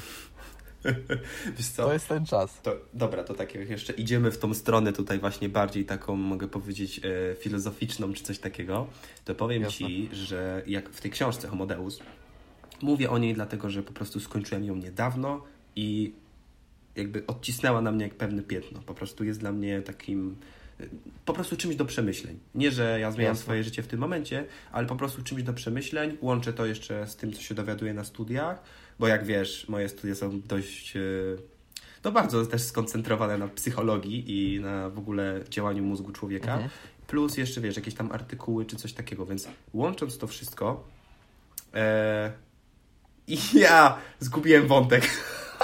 W sensie, stary, jakby miałem coś w głowie i teraz jak ci powiedziałem, że łączę to, to, to zgubiłem wątek. Nieważne, idźmy dalej po prostu. Jak coś, to do tego wrócę. Stary, jeszcze a propos tego, bo właśnie wydaje mi się, że z tego powodu odwołujesz się do tej książki, że e, no jakby pod tytułem tej książki jest A Brief History of Tomorrow, tak? Czyli em, on stara się w pewien sposób przewidywać przyszłość, tak? Ale kiedy była pisana ta książka? Koło 2018 rok, 2018, 3 lata 18, temu. Tak, no mamy właśnie. 21. No, no dokładnie. E, czy tam skończona, tak? No, przypuszczam, że pisana była dłużej niż jakby rok. E, no także on stara się przepowiadać przyszłość, a zdarzyło się coś, czego nie planował. E, już wiem, stary, co chciałem powiedzieć. Już, już, już, ale tak, ale słuchaj, to co mówisz, nie? Że e, o, o tej książce, to to, co ja tam wyczytałem i właśnie z tych innych rzeczy już znalazłem wątek, Jasne. to jest to, że kiedyś, patrząc na jakby historię ludzkości, na samym początku to, co, w to, co my wierzyliśmy, to byli bogowie. Tak? To było po prostu najważniejsza rzecz w, w jakby w życiu człowieka, że to Bóg dawał sens jakby życia. Tak? Czyli jeżeli Bóg tak mówi, Dokładnie. to to ma sens. Nieważne jaki Bóg, po prostu jakikolwiek. Potem, Tak. potem idziemy troszkę dalej i potem mamy etap humanizmu, czyli to człowiek jest w centrum. Jeżeli człowiek mówi, że to dla niego ma sens, to to ma sens. Tak? Czyli jeżeli ja ciebie nie zabiję, ale nie dlatego, że tak mówi Bóg, tylko dlatego, że tobie to może zrobić przykrość i ludzi wokół, i ludzi, i lu, może to zrobić też jakby, wiesz, um, przykrość ludzi, którzy są wokół ciebie. Więc humanizm polega na tym, że jakby my jesteśmy w centrum, jeżeli dla mnie ma sens, to to ma sens i koniec, i kropka. Po prostu ja nadaję bieg tej historii. A teraz zaczynamy powoli wkraczać. To nie są w tym momencie moje słowa, tylko słowa autora tej Jasne. książki. I ja też jakby to, mm, o tym mówię, ale czy to jest prawda, nie mam pojęcia. Pewnie nikt o tym nie wie. Zaczynamy wchodzić w etap, e, że to informacja, przekazywanie informacji, data jest e, najważniejszą formą nadawaniu, nadawaniu sensu życia. Czyli to jakby informacja, internet, technologia staje się jakby tak, taką religią. On, on to nazwał, poczekaj, da, dateizm. Deitizm. Tak, coś takiego, deitizm, nie? no, I to staje się po prostu e, w tym momencie taką no, religią. Po prostu religią, czyli że my podążamy za tą technologią, za tymi informacjami, nie? To bardzo, bardzo to jest ciekawe. Jakby nic z tym nie robię, ale mówię, że coś takiego jest i uświadamiam sobie to. Co pójdzie za tym, nie mam pojęcia. Po prostu ważne jest to, żeby sobie uświadomić, że w tą stronę powoli ludzkość po prostu dąży. No to jest niesamowicie ciekawy temat akurat. Em, faktycznie przeczytanie tej książki uświadomiło mi to samo, o czym mówisz. Em, ale jakby jeszcze kilka lat temu zastanawiałem się, jak zostanie nazwana epoka, w której teraz jesteśmy, tak? Bo jakby em, ludzie nazywali epokę wstecz. Coś się zadziało specyficznego, tak? No i teraz faktycznie mamy może, może, kto wie, epokę informacji, czy, czy jakby czas, kiedy, kiedy, kiedy ta informacja em, jest tak istotna, tak? My sobie wciąż nie zdajemy sprawy z tego, jak, jak to jest istotne. Tak, i Jak to jest istotne, jak, jak bardzo zbierają o nas dane i zupełnie nie zdajemy sobie z tego sprawy, co to może nam jakby, e, co się może z tym stać, tak? Czy, czy to pozytywnie, czy negatywnie. Nie mamy pojęcia. Statystyczny człowiek nie potrafi prawdopodobnie dwóch zdań powiedzieć na ten temat. I myślę, że ciężko, bo my się dopiero przekonamy o tym. E, to, to, to idealnie, stary, zacząłeś ten temat, który jest w tej książce. E, pamiętasz, zaraz o tym powiem, a propos tego Facebooka i tych algorytmów, że jeżeli ty polajkujesz ileś tam postów.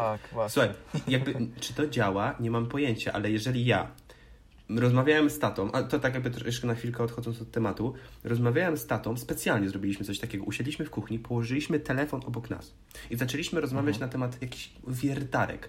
Minął jeden dzień, minął jeden dzień i ja dostałem trzy albo cztery reklamy na Facebooku i na Instagramie wiertarki. I jeżeli ludzie myślą, że oni nie są obserwowani i nie są podsłuchiwani, to jakby są w błędzie. To nie jest tak, że my jesteśmy podsłuchiwani, tylko my, mając telefony, wyrażamy zgodę na to, że ludzie o nas, że in- internet, Internet of Things, coś tak jakby ładnie może nazywa, czy właśnie nawet ta sztuczna inteligencja, Aha. będą o nas wiedzieć po prostu wszystko. Tak? Czyli to, to działa. Czyli jeżeli ktoś powie jakąś, e, jakąś nazwę, możecie sobie nawet może to wypróbować. U mnie to działało. E, powiecie sobie jakiś serek i reklama wyskakuje. No u mnie już się to zdarzało po prostu wielokrotnie. Idąc dalej, Facebook. W tej książce było napisane coś takiego. Algorytmy Facebooka są już tak dobrze jakby stworzone, że ludzie już jakby tego nie rozumieją. To już jest sztuczna inteligencja, bo to jest tak, że nad sztuczną Mhm. inteligencją pracuje wiele osób, które cegiełki wkładają do bazy danych, ale potem inteligencja, ta sztuczna inteligencja zaczyna się sama uczyć i oni już nie rozumieją, co się dalej dzieje. To już jest po prostu historia. Ludzie coś zrobili, ale oni Tak. nie wiedzą, o co chodzi. I pokazali badania. Te, teraz powiem na liczbach, ale jeżeli się pomylę, to po prostu przepraszam, ale to mniej więcej coś takiego. Jeżeli polajkujesz 80 postów na Facebooku, jakiś tam, jakiś po prostu, to algorytmy, które będą podpowiadały ci, co masz na tablicy, Mhm. E, inaczej. No tak, to algorytmy będą ci coś podpowiadać. I uwaga, to, co ci będą podpowiadać, jest informacja dla ciebie, że Facebook zna ciebie lepiej niż twój przyjaciel. Jeżeli posty, które polajkujesz, będą wynosiły tam chyba 130 czy coś takiego, to lepiej niż twoi rodzice. A jeżeli 300 postów polajkujesz, to lepiej niż twój współmarzonek. Wow, nie? W sensie, y, y, ile w tym jest prawdy? Nie wiem. Po prostu on zbadał to w jakiś sposób. On tam się oczywiście odwołuje do wszystkich badań, do artykułów w ogóle. Mhm. On, on jak napisał to, no to ta książka jest bestsellerem wśród jakby, wiesz, ludzi, którzy się tym interesują. No to to mi pokazało, stary, że popatrz, polajkujesz 300 razy, to jeżeli, popatrz, nawet polajkujesz 80 razy, daj mi swój telefon, a ja ci będę wiedział, co ci kupić. Tak? Bo, bo wejdę sobie na Facebooka, przejrzę sobie, Tak, e, tak. wiesz, tablicę i już będę wiedział. Mało tego, myślę, że ty nie będziesz musiał tego przeglądać. Będzie aplikacja, która będzie podpowiadała, jaki prezent powinieneś kupić swojej dziewczynie. Tak. tak? Na podstawie tego, em, co ona robi w internecie, tak? A jak mówiłeś, że, że trzeba polajkować ileś postów, żeby tam odpowiednio em, osoba z Twojego środowiska, e, w sensie, żeby, żeby komputer wiedział lepiej ni- o Tobie niż, niż, więcej o Tobie niż osoba z Twojego środowiska, to sobie zadajmy pytanie, jak dużo postów trzeba polajkować, żeby komputer wiedział o Tobie więcej niż Ty wiesz o sam, sam o sobie. Tak. Tak, tak, to, to jest, to jest, I to jest przerażające, jeśli chodzi o przyszłość, tak? Jakby taki jest też wniosek tam na, na końcu, czy, może nie wniosek, ale hipoteza czy, czy pytanie e, postawione. Co wtedy? Czy, czy, czy, czy to będzie w ogóle miało sens? Że, czy, czy, nasza, na- czy nasze decyzje będą miały jakąkolwiek wartość, jeśli, jeśli komputer może wiedzieć więcej o tobie niż ty sam o sobie? jakoś nie jestem w stanie sobie nawet tego wyobrazić. Tak, czyli... No właśnie nie jesteśmy sobie w stanie wyobrazić, myślę. Tak, to, to jest coś, co jest, y, co jest obok nas, a my nawet nie jesteśmy w stanie wyobrazić sobie, jak to wygląda. Tak, czy algorytmy, które są obok nas, znają lepiej nas samych, co nie, niż, niż jakby. To, to, jest w ogóle nie, nie do wyobrażenia. No bo jak? Taka będzie przyszłość właśnie. Tylko kwestia, czy, czy kwestia, czy e, na pewno dużo nam to da i dużo zabierze. Tak. I znów będą przeciwniki, przeciwnicy e, jednego i drugiego. Tak, tak, Tak? no bo Także znowu nie chcę być, wiesz, podglądany, nie chcę być podsłuchiwany, coś tam, coś tam. Tak naprawdę Tak. jesteśmy i to jest, to, to jest ucieczka. My tylko uciekamy przed czymś, co jest i co będzie. I, co lepsze, że jeżeli my udostępnimy to wszystko tym algorytmom, to wyjdzie nam to na dobre. No bo pytanie, dlaczego ja nie chcę, żeby kamerka mnie obserwowała? Okej, mówimy prywatność, mówimy jakąś, jakaś intymność, prawda? Bo nie chcemy, Jasne. żeby ludzie w Stanach Zjednoczonych widzieli, co ja robię w tym momencie. No i co z tego? Jakby masz telefon, masz, masz laptopa, masz, idziesz sobie i widzą cię kamery na mieście. Przecież to nie ma żadnego znaczenia. Tak. Oni analizują wszystko. Jakby to nie jest tak, że to jest jakaś. e, Nie wiem, bo ja tak teraz powiedziałem, oni analizują wszystko i to brzmi jakby oni byli jakąś armią ludzi, którzy chcą po prostu. No nie, nie, to, to nie, oni nas. tego nie analizują. Nie, oni tego nie analizują. To Tak, analizują jasne. algorytmy, o których ci ludzie nawet sobie nie znają pojęcia. I Tak, oni nam tak. pomagają, dając nam informacje na Facebooku. Oczywiście zabierają nam czas czasami, no bo jeżeli wyświetlają nam się rzeczy, które my naprawdę chcemy, algorytmy tak uważają, że my to chcemy, tego chcemy, no to troszkę dłużej posiedzimy na tym Facebooku, tak? Czyli będziemy po prostu marnować swój czas na przeglądaniu tablicy bez sensu. Em, to jest minus. Ale plus jest taki, i o tym też było w tej książce, że zmierzamy do czasów, że jeżeli ty będziesz chciał znaleźć pracę, najlepszą pracę dla ciebie, to udostępnisz wszystkie dane o sobie, algorytm sprawdzi, ty otworzysz sobie aplikację odpowiednią i tam wyświetlą ci się tylko rzeczy, które są dobre dla ciebie, jeśli chodzi o przyszłą pracę. Co?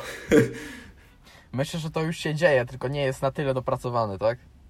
Jakby Mhm. wciąż em, no, komputer pomaga, ale są ludzie, którzy, którzy są w stanie znaleźć dla ciebie pracę, tak? Na podstawie jakichś wprowadzonych danych, tak? Danych osobowości, powiedzmy, e, murarzy, tak? Jeśli twoje, e, twoje dane odpowiadają danym statystycznego murarza, no to prawdopodobnie komputer zaproponuje ci bycie murarzem.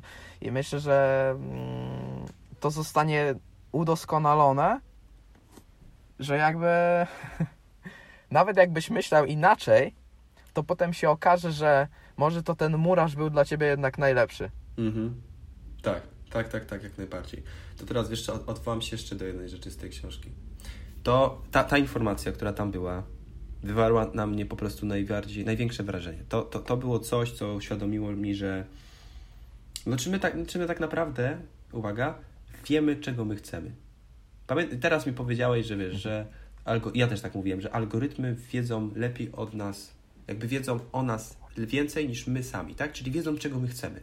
I teraz pytanie, czy my jako ludzie jesteśmy w stanie powiedzieć sobie, czego my chcemy? Pamiętasz te, to, ten eksperyment, który był, o którym Ci już opowiadałem? Dawaj, jedziemy z nim jeszcze raz. W tej książce Homo Deus, a propos tego nastolatka, Aha. że przecięli mu Okej, prawą tak. półkulę z lewą. Chcesz to opowiedzieć? Pamiętasz to? Opowiadaj, Dobra, opowiadaj. uwaga. Opowiadaj. Tylko teraz tutaj będzie żonglerka słowem, także trzymajcie się. Uwaga. Mamy dwie półkule. Prawą i lewą. One są, jeżeli ty jesteś jako, wiesz, medyk tutaj, to mnie wyprowadź z błędu, jeżeli coś Oj, nie źle powiem. tak mówić, ale I, I one, prawa i, pół, i, lewa półkula, są ze sobą połączone jakimiś tam neuronami, tak? Czyli przekazują w pewien sposób. w pewien Tak. sposób, przekazują sobie informacje. I teraz tak, lewa półkula odpowiedzialna jest za mowę, prawa półkula jest odpowiedzialna za ruch, tak? Czyli jeżeli wykonujemy coś, to działa prawa półkula. I teraz tak, lewa półkula analizuje rzeczy, które są z prawej strony. Czyli jeżeli podnosimy prawą rękę, patrzymy w prawo, to to jest analizowane przez lewą półkulę, a prawa półkula analizuje rzeczy, które są po lewej. I teraz tak, jeżeli coś się dzieje, to zapatrzymy w prawo, analizuje to lewa półkula, ale ona przekazuje dane też do prawej, czyli my jakby całym mózgiem działamy. I teraz uwaga, co się stanie, jeżeli my przedzielimy tę półkulę? I co się wtedy będzie działo? I uwaga, e, zrobili takie badanie, takie doświadczenie, że wzięli nastolatka i przecięli mu, nawet nie wiem stary w jaki sposób, nie? Jakby od razu jak powiedziałem to mamie, to mama powiedziała, że kwestionuje ten eksperyment, dlatego że to nie byłoby etyczne i w ogóle, ale potem poszukałem o tym eksperymencie i faktycznie coś takiego było. Przecięli mu w jakiś sposób neurony, które łączą prawą półkulę z z lewą, czyli nie były w stanie przekazywać sobie informacji, tak? Ale Tak, to ja jeszcze pozwolę sobie wyjaśnić. Na pewno nie przecięli, tylko w pewien sposób jakby e, spowolnili przepływ informacji, tak? Bo Okej. jesteś w stanie choćby oddziaływać temperaturą na neuron, tak? Żeby on e, jakby szybciej bądź wolniej e, przekazywał informacje. Także to może gwoli wyjaśnienia. Dobra. I teraz uwaga, co zrobili? Zapytali go, Czyli załóżmy, że półkule nie były w stanie ze sobą współpracować. I zapytali Tak. go, kim chce zostać w przyszłości. Ten nastolatek odpowiedział, czyli jego lewa półkula odpowiedziała, bo tylko ona za, odpowiada za mowę, bez komunikacji z prawą odpowiedział, że chce zostać kreślarzem. W ogóle nie wiedziałem, co to jest kreślarz, ale jakby nie byłem w stanie. E, mm, inaczej, po, po jakby idąc po angielsku to jest drafter, ale nie jestem w stanie powiedzieć, co to jakby. Mówię to, bo może ludzie się po prostu zajmuje? znajdą sobie tą informację, ja po prostu Tak. nie wiem, nie, wtedy nie wiedziałem. I on powiedział, że chce być kreślarzem, czyli odpowiedziała to jego lewa półkula. I potem Mhm. na stole po lewej stronie, czyli rzeczy, które były analizowane przez prawą kulę, położyli, y, to były te skrable? Tak, chyba, chyba coś takiego. Coś, tak, Jakieś tam mhm, płytki. Coś takiego. I ułożyli z tych płytek pytanie, kim chcesz zostać w przyszłości. Czyli to było analizowane przez prawą półkulę i on nie mógł powiedzieć, dlatego że to było po lewej stronie, więc jego lewa półkula nie, nie zadziałała. I Tak. on zaczął szybciutko układać z tych pudełek, z tych, tych, tam, tych skrabli jakiś napis i napis brzmiał wyścigi samochodowe. Czyli uwaga, lewa półkula chciała być, chciała, żeby ten człowiek, żeby ten nastolatek był e, kreślarzem, czyli ta bardziej logiczna, a prawa półkula, czyli bardziej e, emocjonalna, powiedziała wyścigi samochodowe. I teraz pytanie, kim jesteśmy na co dzień? Lewą półkulą, prawą, czy czymś jeszcze? I, i, I jakby to odpowiada na pytanie, czy ty wiesz, czego ty chcesz, tak? Czy my wiemy jako ludzie, że my chcemy coś, tak? Chcemy kimś być. No dobra, no ale nawet twój mózg kłóci się ze sobą i mówi jedno, jedna półkula mówi jedno, druga mówi drugie. Ja jakby mówię o tym, żeby to nie tak, że nie wiem, chcę wam w tym wszystkim, którzy no, mam nadzieję nas słuchają, nie wiem, zmienią swoje Jasne. życie, cokolwiek, tylko po prostu daje taką informację do przemyśleń, że coś takiego jest. I ten profesor dostał z Nagrodę Nobla e, za to doświadczenie. To było chyba w 1981 roku. I to pokazuje, że nawet twój mózg kłóci się, jedna półkula chce coś, druga coś. Skomentuj to, powiedz. Ech, stary, prawa się kłóci z lewą. To ja ci powiem coś mocniejszego. O, dawaj!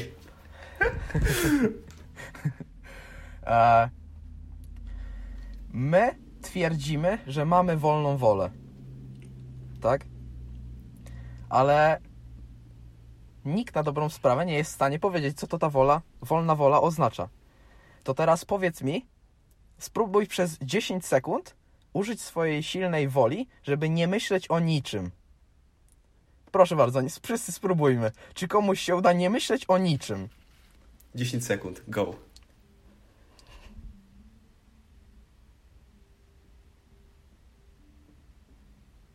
Dobra, jeżeli komuś No to się... jest je- oczywiście niemożliwe. Jeżeli tak? komuś się to udało, to do, proszę się do nas zgłosić, porozmawiamy z nim, przeprowadzimy z nim rozmowę. Tak, e, Nobla dostaniemy za to w takim razie, za ten przypadek, opisanie przypadku. No niestety to jest przerażające. Przerażające, jeśli się bardzo zanurzymy, e, jeśli się bardzo zanurzymy w te psychologiczno-medyczne aspekty, tak? No bo tutaj jednak łączysz myśli, e, jakieś wierzenia powiedzmy z, z, z anatomią, tak? No oni jakby oddziałując na mózg, em, zmieniali jego decyzje, tak? To gdzie ta jego wola wolna istniała, tak? Myślę, że masę było takich eksperymentów i, i myślę, że wciąż tego nie rozumiemy, tak? Tak, tak, wiesz co, kol- On- tak, jakby to, to jest a propos tej wolnej woli, że my tak naprawdę e, po pierwsze nie wiemy czego chcemy, po drugie, popatrz, ja, tak jak powiedziałeś, myślimy sobie, żeby nie myśleć przez 10 sekund i tak pomyślimy. Czemu nie możemy się powstrzymać? No i teraz właśnie pytanie jest No dlaczego, właśnie. dlaczego, dlaczego? I, e, I kolejny może przykład tutaj w, tym, w tej, w tej e, kategorii. E, mamy talerz pączków, który sobie leży, prawda? Mhm. I w momencie, kiedy my przechodzimy obok tego, obok tych pączków, przechodzimy sobie obok stołu, to my jesteśmy innym człowiekiem niż jak byliśmy przed przejściem obok tego stołu. A dlaczego? Uwaga. Patrzymy na, ten, na, ten, na te pączki i myślimy sobie, no dobra, jeżeli teraz zjem, no to do, doświadczę pewnej przyjemności, bo, no bo to jest słodycz, tak? To jest uzależniające. Ale Tak. z drugiej strony jutro mam Oczywiście. kurde zrobić trening i teraz jestem na diecie. No dobra, ale z trzeciej strony, ile jest tych stron? Ile my, ja, Mateusz, kłócę się ze sobą, czy zjeść te pączki, czy tych pączków nie zjeść? Czyli ile jest Mateuszów we mnie? Ile, ile osób, tak? Że ja mam wolną wolę, ale tak naprawdę to kto ma wolną wolę? Która postać we mnie mówi, że dobra, chwyć te pączki, a która mówi, że nie, nie, nie weź tych pączków, zostaw je. I tak będę się kłócił, nie? O co chodzi? Tak, no to jest y, jakiś błąd poznawczy, prawda? Bo jakby to, że mamy masę połączeń nerwowych w mózgu, że jesteśmy w stanie tak skomplikowanymi algorytmami analizować wszystko, generuje oczywiście błędy, tak? Bo nie wierzę, że to jest perfekcyjne. No i właśnie pojawiają się te problemy, tak? Nie wiem, czy jesteśmy w stanie dojść do, do, do jakiegoś wniosku. A może stary, to twoja dusza podejmuje decyzję, tak? Ale znowu, jakby temat duszy to jest coś, czego jeszcze zupełnie nie rozumiemy, tak? Nauka nie jest w stanie stwierdzić, czy jest struktura anatomiczna, która odpowiada za, za duszę, tak? No, no właśnie, no jeszcze nie znaleźliśmy, tak? I kolejny temat. Tak, to jest... Za, zawsze, gdy czegoś nie rozumiemy, przypisujemy to jakiejś niestworzonej istocie, tak? I w tym przypadku ludzie by odpowiedzieli, ok, no Bóg daje nam tę duszę, tak? No ale powiedzmy 200 lat temu e, Bóg dawał to, że krew płynie przez, przez naczynia krwionośne, a potem się okazało, że to jednak serce pompuje tę te, te krew, tak? No może nie 200 lat temu, sorry, ale, ale jakiś czas temu, tak? No tak, także... ale popatrz, właśnie to jest to, że kiedyś, jeżeli coś nam się działo, e, jeżeli kiedyś była jakaś sytuacja, że ktoś umierał, prawda? No to jaka była mhm. odpowiedź? Bóg tak chciał. W tym tak. momencie, jeżeli człowiek umrze, to jest. Włącza się biologia, włącza się technologia i jedziemy z tym. Sekcja zwłok, tak. Y, za... Patomorfolog mówi, dlaczego umarł. Dokładnie.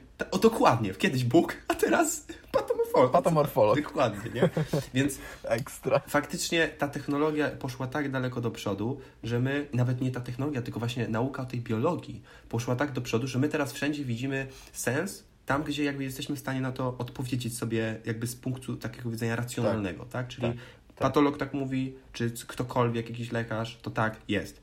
I popatrz co więcej, to, że e, nie, w sumie to, no dobra, okej, okay, tutaj nie będę tego tematu jakiegoś e, tak bardzo rozszerzał, ale faktycznie, że jakby teraz w tym momencie widzimy ten, mm, jak to powiedzieć, dobra, inaczej, powiedziałeś, że kiedyś był jakby Bóg sensem, ok, teraz my sobie pewne rzeczy dajemy wytłumaczyć właśnie, jakby czego, jak czegoś nie wiemy, to mówimy, że Bóg, tak? Kiedyś też tak, tak było. Ale wiesz dlaczego tak jest? Bo zauważ, że jeżeli gdyby tak nie było, to by zapanował chaos totalny. Zapanowałby totalny chaos, dlatego że teraz każdy, jeżeli nie może sobie czegoś wymyśleć, nie może odpowiedzieć na pytanie, to Bóg tak chciał, Bóg ma rację, cokolwiek. I dzięki temu my budujemy hierarchię, znaczy jakiś taki schemat łączenia się między ludźmi. Czy my jesteśmy w stanie sobie zbudować cywilizację, bo gdyby nie to, to każdy myślałby sobie coś, nikt by sobie, każdy by sobie tłumaczył to na swój sposób i by zapanował totalny chaos po prostu w, w, na całym świecie. Musi być pewne, muszą być pewne zasady. Kiedyś były zasady, że wiesz, mhm. jak czegoś nie wiesz, to Bóg, teraz jak czegoś nie wiesz, to ci powie lekarz i tak dalej, i tak dalej, ale zawsze jest coś, tak? Czyli czegoś nie wiemy. A z tą duszą, no, to jest ciekawy temat. Czy dusza istnieje, czy nie? No i teraz zastanówmy się. No, wierzymy w duszę? No, yy, prawdopodobnie większość osób powie, że tak, ale dlaczego? Bo taka, taka, taka jest religia, prawda? Religia mm -hmm, mówi nam, mm -hmm. że dusza istnieje i dusza jest nieśmiertelna. Może tak, może tak, ale może nie. Może to nie jest prawda. Może jeżeli nie jesteśmy w stanie udowodnić tego z, z takiego punktu widzenia biologicznego, to może dusza nie istnieje. Ale z drugiej strony, wierzenie w to, że dusza istnieje, dla wielu ludzi jest lepsze, bo to nadaje im sens życia. Oczywiście. Czyli Oczywiście. nie zawsze to, czego my nie jesteśmy sobie w stanie wyobrazić, tak? Czyli na przykład, okej, okay, może dusza nie istnieje, ale to nie ma żadnego znaczenia, bo jeżeli ja w to wierzę, to mi jest lepiej, czyli będę to robił, prawda? Ale to, czy dusza istnieje, czy nie, to jest właśnie kolejny temat, takie zastanowienie się chociaż. Ja nie mogę tego udowodnić, no to ona jest, czy nie? Nikt tego nie może udowodnić. Tego, czego nie rozumiemy, właśnie to upraszczamy, tak? Także, żeby, żeby, żeby zrozumieć. Choćby wykla wyklarować jakąś, jakąś odpowiedź. Ta, tak, tak, tak zawsze żeby... ty mówisz, że do normy, tak? Porównujemy się do pewnej normy, która jest po prostu, większość tak. wierzy, to ja też będę wierzył. No tak, to prawda. ale bardzo trudny temat, no jakby wiesz, e, nie znaleźliśmy jeszcze odpowiedzi, tak? Świat nie znalazł jeszcze odpowiedzi, także no, mo- można spekulować i stawiać kolejne pytania, tak? Kiedyś się dowiemy. Jakby nauka mówi, że dusza istnieje, tylko e, nie jesteśmy w stanie powiedzieć, co to jest dusza. Więc jakby e, ciężko tutaj mm, ciężko, ciężko powiedzieć, jak to działa, co nam to daje, skoro nie wiemy, co to w zasadzie jest. Tak. I, Tak? No i jakby kiedyś wierzyć... faktycznie do tego dojdzie, że, że, że odkryjemy, co to jest ta dusza, tak? Może jakieś e, jakoś, e, jakieś impulsy się w mózgu zaczną pojawiać, czy, czy odkryjemy jakąś, jakąś metodę, jak te impulsy jakby, jakby mm, znaleźć, tak? I, Może niekoniecznie słuchaj, struktura za to odpowiada. I nawet popatrz, patrząc na to, załóżmy, że dusza istnieje, tak? Czyli ludzie by powiedzieli, Mhm. tak, mamy to. No to kiedy ona się pojawia? W momencie, kiedy zostaliśmy poczęci? Czy w momencie, kiedy się urodzimy? Czy załóżmy po pierwszym roku? Jakby, co nie? To, to są jeszcze takie ciekawe pytania. Tak. Albo nawet odpowie... Mocny temat. Na... Tak, dokładnie. Zostawmy. W sensie jakby zostawmy go do refleksji tutaj. Jeżeli ktoś sobie chce to przemyśleć, to niech sobie o tym myśli. My po prostu, wiesz, my dyskutujemy o tym. Yy, na przykład to Jasne. też to, kiedy człowiek staje się człowiekiem. Tak? Pamiętasz ten? No cały czas jest ten temat a propos tej aborcji. Czyli tak, czyli kiedy, e, czy w momencie poczęcia, czy w momencie, kiedy jest jakimś miesiącu, czy jak się urodzimy, kiedy jesteśmy tym człowiekiem, tak? Mamy prawa, mamy które też zostały jakby ustanowione przez nie naturę, tylko przez schemat ludzi, tak? Czyli przez jakieś pewne wierzenia, Tak, że tak, mamy prawa. Mm, Dokładnie. No to, to też jest taka, nie? Takie, nie mamy tej odpowiedzi w tym momencie. Jedni mówią tak, jedni mówią tak, ale kto ma rację? No właśnie. Im dalej w las, tym więcej pytań. No i kiedyś uzyskamy odpowiedź. Tylko, że prawdopodobnie nas już nie będzie, albo będziemy na skraju Tak, życia, nie?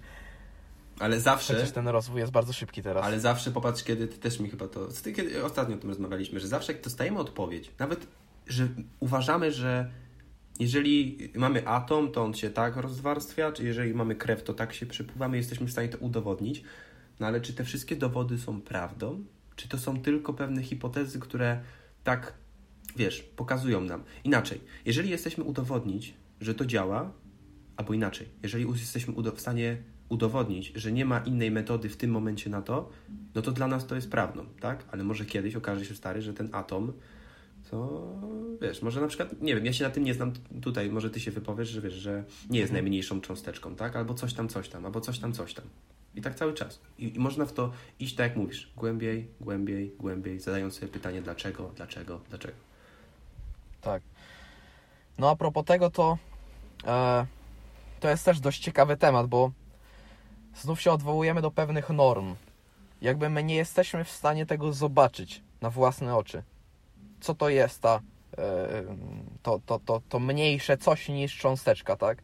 Nie jesteśmy w stanie tej cząsteczki bezpośrednio zobaczyć i jakby e, nie znaleźliśmy jeszcze dowodów na to, że, że, że to jest fałsz.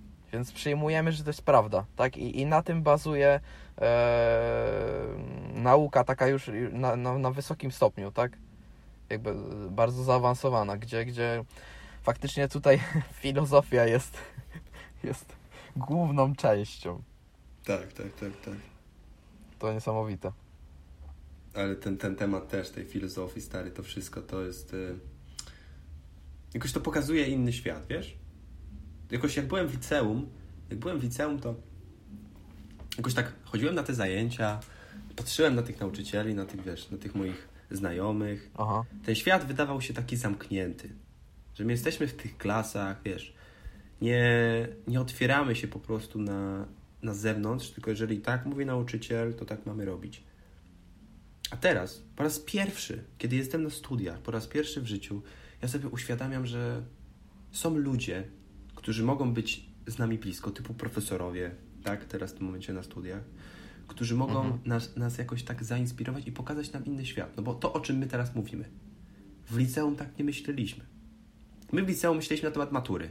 Tak, matura, matura. Tak, W jasne. tym momencie myślimy na temat rozwoju, na temat jakichś technologii. Popatrz, kiedy my ostatnio rozkminaliśmy temat duszy albo czegokolwiek innego. I popatrz, że to nawet do niczego nie doprowadza. To nie jest tak, że ja będę znał odpowiedź, no bo ja nie znam odpowiedzi. ale nawet zadawanie sobie takich pytań, o co w tym chodzi. W liceum tego nie robiłem. Z mojej perspektywy. Ja po prostu skupiałem się, nie wiem, na maturze. E, byłem jakby taki bardzo ograniczony, tak? Czyli po prostu bardzo zamykałem się na to, co jest obok mnie i uważałem, że to cały świat, który jest wokół mnie, to wszystko jest dobre, tak? To moja rodzina tutaj w Łodzi, to jest moje życie. Może nie o to chodzi. Może właśnie chodzi o to, żeby tak, wiesz, otworzyć się po prostu na, na to wszystko, co jest wokół nas i da, dopuścić do siebie, dopuścić do siebie myślę, że ty czegoś nie wiesz. Bo w liceum zauważ, w ogóle w szkole, jeżeli ty mhm. odpowie, odpowiedziałeś, że nie wiesz, nie znasz odpowiedzi, to byłeś co? Karany za to. Byliśmy za to karani, jeżeli odpowiadaliśmy, że czegoś nie wiemy. A teraz zauważ, że jeżeli ty odpowiesz nie wiem, to ty otwierasz wiele dróg, możliwości znalezienia odpowiedzi. Ktoś ci coś powie, ty, ty jakoś starasz się znaleźć. A w, w, na, w liceum i wcześniej, na przykład w gimnazjum w podstawówce, my byliśmy karani za to, że my mówiliśmy nie wiem. Stary, to jest podstawowy błąd polskiego systemu edukacji. To a propos, e, ostatnio miałem taką rozmowę właśnie z bratem. W sumie tak mnie naszło. Nie wiem nawet skąd się to wzięło, ale mega ciekawe. E, jak dużo nam daje brak wiedzy. Bo on będzie pisał teraz maturę, tak? I bardzo często do mnie dzwoni z pytaniami o, o jakieś zadania. No teraz już wiadomo, że te pytania są na zdecydowanie wyższym poziomie, że on mnie pyta, czy to zadanie jest poprawnie skonstruowane, a co gdyby było tak. Bardziej filozoficznie się już bawimy, no bo on jest już, już mogę powiedzieć, że niesamowity z tej matmy. E, bardzo często do mnie dzwoni i teraz coraz częściej e, po samym zadaniu mi pytania jest w stanie dojść do odpowiedzi, tak? Jakby to, że on nie wie e, i zada odpowiednie pytanie, pozwoli mu na uzyskanie odpowiedzi. I ostatnio doszliśmy do takiego wniosku. Jeśli on będzie pisał tę maturę, rozszerzona z matmy, e, i nie będzie wiedział, jak rozwiązać zadanie, nie będzie czegoś rozumiał, jakiego, jakiś będzie problem, tak? To ja mu powiedziałem, żeby wyobraził sobie, że on do mnie dzwoni i że zadaje mi pytanie. I żeby, żeby jakby kluczem do tego jest to, żeby on skonstruował pytanie tak, żebym ja bym mu w, był w stanie pomóc, pomimo faktu, że ja nie widzę tej matury, tak? No bo tak zazwyczaj jest. Ja jestem w Łodzi, on jest 150 km od Łodzi, e, dzwoni do mnie, opisuje problem, zadaje mi, mi pytanie, ja mu podpowiadam. E, no i tak jak mówię, jest coraz więcej takich sytuacji, gdzie ja nie muszę się odzywać na dobrą sprawę, tylko mówię, mówię mu, żeby dobrze mi to wytłumaczył, tak? Żebym ja poznał problem. No i myślę, że to akurat niesamowite, jak dużo nam daje ta niewiedza, tak? Umiejętność odpowiedniego zadania pytania. Zastanowić się 3 sekundy. Zastanowić się 3 sekundy nad pytaniem i dopiero dopiero iść dalej. Stary, to wiesz co? A propos tego, to tutaj ta, ta, ta twoja sytuacja z bratem, że brat zadaje ci pytanie i nawet ty nie musisz na nic odpowiadać. Ja mam identyczną mhm. sytuację w momencie, kiedy przygotowuję się do jakiegoś projektu na studia, bo my co tydzień mamy spotka- mhm. takie grupowe projekty i na, jaki, na dany temat zajęć, prawda? I słuchaj, zawsze, kiedy nie wiem, co zrobić, idę do taty, do pokoju, bo on też siedzi w, jakby w biznesie i mówię do niego tak. tak słuchaj, ja teraz zadaję Ci pytanie, nawet nie muszę oczekiwać odpowiedzi, ale w momencie, kiedy my, my powiemy, wypowiemy to pytanie, wypowiemy, to otwiera się w naszej jakby głowie szukanie, nasze, po prostu sama nasza jakby, wiesz, podświadomość, mogę tak to nazwać, zaczyna szukać odpowiedzi. Bo my, jeżeli będziemy to trzymać w sobie, myśleć tylko o tym, my nawet nie mamy pojęcia, o czym my myślimy. My myślimy bez przerwy. Ale jeżeli my wypowiemy to zdanie, wypowiemy to pytanie, albo powiemy nie wiem, powiemy to, to zacznie powstawać jakieś t- takie pewne drogi, które będą nam umożliwiały znalezienie, znalezienie odpowiedzi. Nawet nie znalezienie dobrej odpowiedzi, ale znalezienie jakiejkolwiek odpowiedzi. No bo nie zawsze twój brat odpowiada dobrze na pytanie, jeżeli mówi tobie, Jasne. że nie wie, prawda? Mhm. Ale to jest nieważne. Ważne jest to, żeby to wypowiedzieć. Ja jakoś walczę z tym zawsze, że jeżeli ktoś ja też jak miałem, no bo ja też jakby prowadzę, no nie korepetycje, ale jakby uczyłem parę osób matematyki, to w mhm. momencie, kiedy ktoś mówi, że on nie wie o co chodzi w tym zadaniu, to zawsze mu mówię, spróbuj znaleźć pytanie, spróbuj w jakiś sposób do tego dojść, zadawaj, mów na to nagłos, nagłos mów, co robisz, nad czym się zastanawiasz, czemu tu jest nie tak, mów to na głos, a nie na, jakby nie na... Nie, nie trzymaj tego w sobie, tylko po prostu wypluj tu. Nie bój się. No bo ludzie boją się, bo byli za to karani, tak? Jeżeli powiedziałeś nie wiem, no to jedynka. Tak. Nie zdajesz. A teraz Tak. właśnie to jest... A to jest największy podstawowy błąd. Po prostu my musimy mówić, że nie wiem. Musimy dążyć do tego, żeby znaleźć tą odpowiedź. To jest taki mój komentarz. No i jakie to jest sytuacji. piękne. Tak, to jest stary tak piękne. Jakby, nie wiem, a wiesz co jest najlepsze? Że my nie wiemy, czy to jest dobre, to co my teraz robimy, tak? Czyli nie wiemy, czy to, to o czym mówimy jest ok, ale nie znamy, nie znamy innej sytuacji. Czyli jeżeli ktoś nam powiedział, że to jest dobre, to zadawanie pytania, że przeczytanie książki Homo Deus jest dobre, to ja to robię. Ale czy generalnie to jest dobre? Nie mam pojęcia. To jest nieważne. Ktoś mi powiedział, nie widzę innej perspektywy, to ja to spróbuję zrobić. A jeżeli ktoś by mi to Mhm. powiedział i powiedział, że to jest ok, a ja bym nic z tym nie zrobił, to byłoby złe. Bo odpuściłem to. Zablokowałem się na pewną, wiesz, pewną wiedzę, tak? To jest jakieś takie. Coś takiego niesamowitego, że jeżeli ktoś coś powie, że to jest dobre, spróbuj to, to grzechem by było tego nie zrobić. Po prostu ja powinienem chociaż spróbować. Jeżeli ja mówię, Chociaż spróbować. zadaj tak. to pytanie przy tej matematyce, ty mówisz do brata, zadaj to pytanie, a on się będzie upierał i nie będzie ci zadawał tego pytania. No tak, ale ty masz doświadczenie. Ty już zdałeś maturę, zdałeś maturę genialnie. Zdałeś maturę genialnie, jeśli chodzi na przykład o matematykę i fizykę. Jeżeli on będzie kwestionował to, co ty robisz, to do niczego nie doprowadzi. Ty jesteś autorytetem. Ty jesteś autorytetem, jesteś jego profesorem, załóżmy. Jeżeli ty, jeżeli on będzie cały czas kwestionował to, co ty robisz, ale mówiąc coś takiego, ale ty nie masz racji. Ty nie masz racji, ty nie masz racji. Mhm. Cały czas, co nie? Mhm. To, co, do czego to doprowadzi? Że on po prostu się zgubi. On musi, moim zdaniem, jeżeli ty mu coś właśnie na przykład po, powiesz, że ze swojego doświadczenia zadawanie pytania jest ok, to on powinien powiedzieć, tak, robimy to. I on to robi. I to jest idealne, tak? Idealny przykład, że ty masz doświadczenie, masz pewną wiedzę na ten temat, no to osoby, które chciałyby od ciebie us- usłyszeć jakoś, jakoś, dostać od ciebie pomoc, to powinny robić to, nie powinny robić to, co ty robisz, ale powinny spojrzeć na to, ej, a może on ma rację, co nie?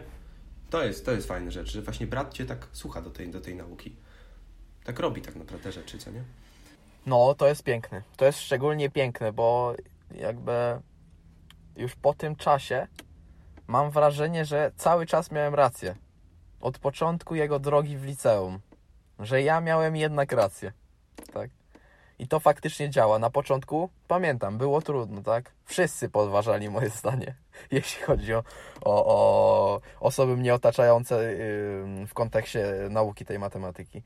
Eee, a jak to zaczęło przynosić a, no właśnie jakieś sukcesy może, na początku małe, tak, jakieś y, wyższe oceny z, z jakichś sprawdzianów, no to się potem okazało, że może jednak faktycznie, może jednak faktycznie ten Mateusz miał rację. może jednak powinniśmy się uczyć tak, jak on mówił.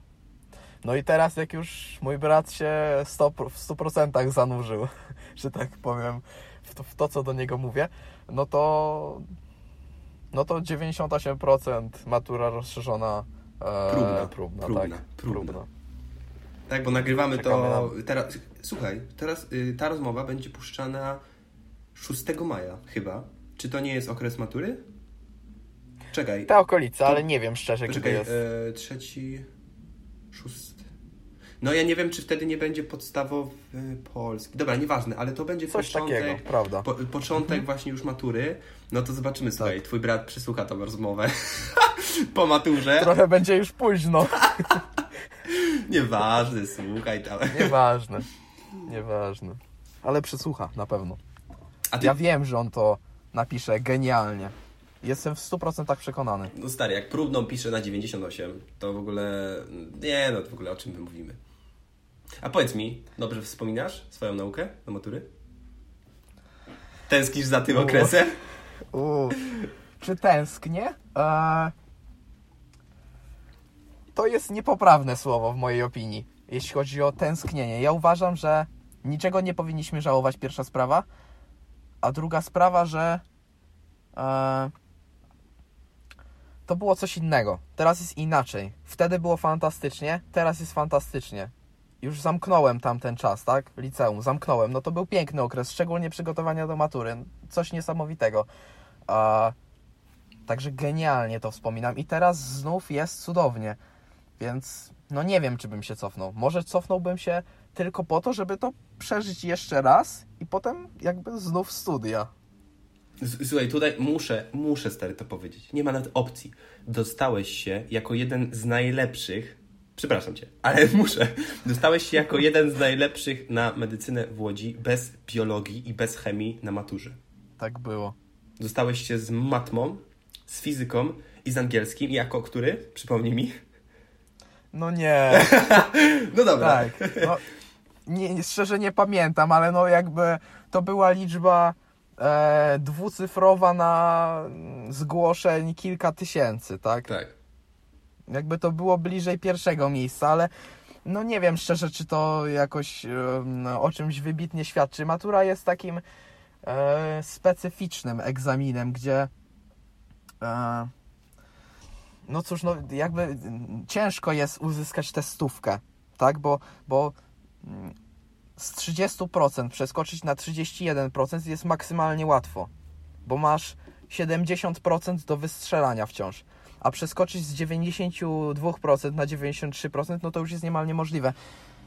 I tutaj się mm, pewne jakby niesprawiedliwości, mm, pewne niesprawiedliwości też wkraczają, także no cóż, no to prawda, udało mi się, ale jakby e, nie wiem, czy to w jakiś drastyczny sposób przekłada się w tej chwili na, na moje studia, tak?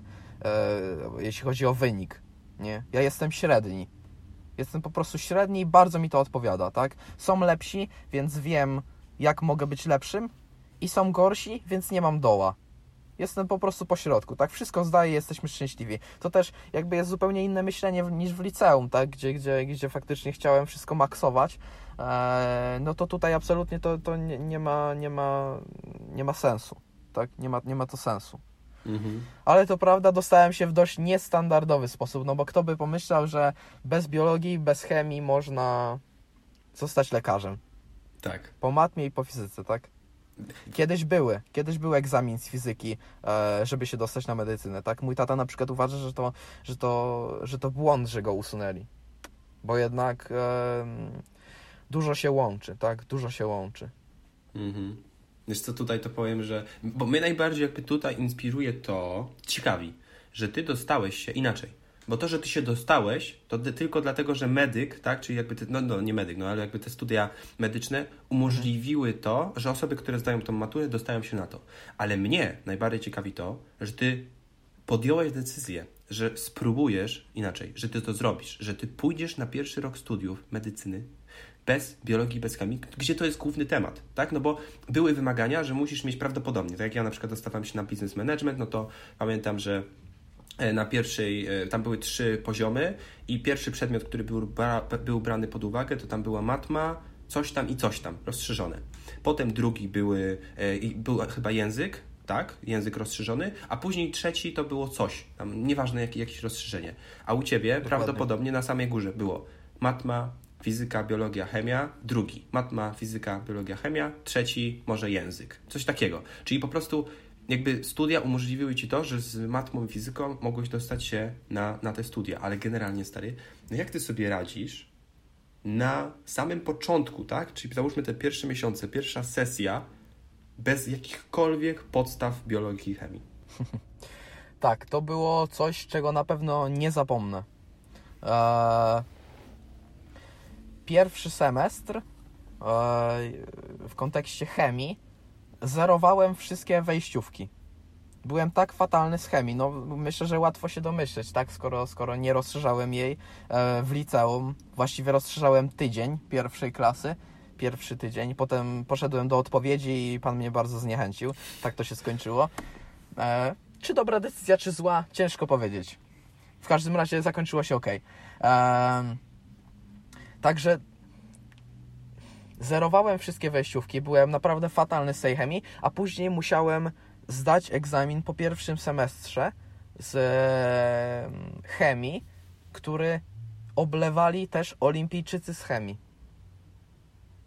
Jakby musiałem nadrobić pewien fragment z liceum, plus wzbogacić się o wiedzę z, ze studiów, tak? I to było wyzwanie. To było wyzwanie z tego względu, że ograniczały mnie bardzo podstawowe pytania, tak?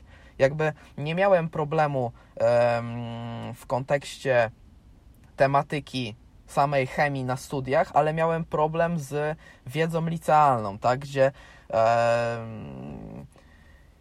jakieś zaawansowane problemy potrafiłem rozkładać na tych studiach, e, ale problem był na przykład z powiedzeniem, jaką wartościowość ma siarka, czy coś takiego, nie? Jak wygląda kwas siarkowy 6?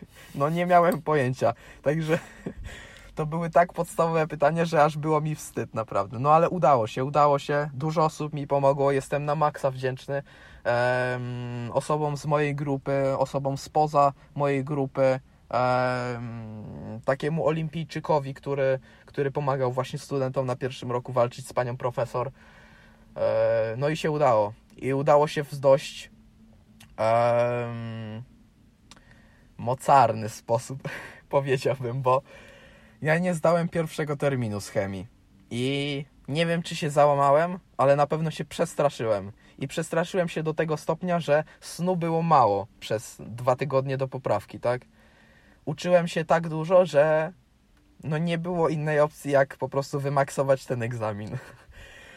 No i praktycznie tak się stało, tak. Część obliczeniowa została wymaksowana, część teoretyczna nie została wymaksowana, ale było wysoko.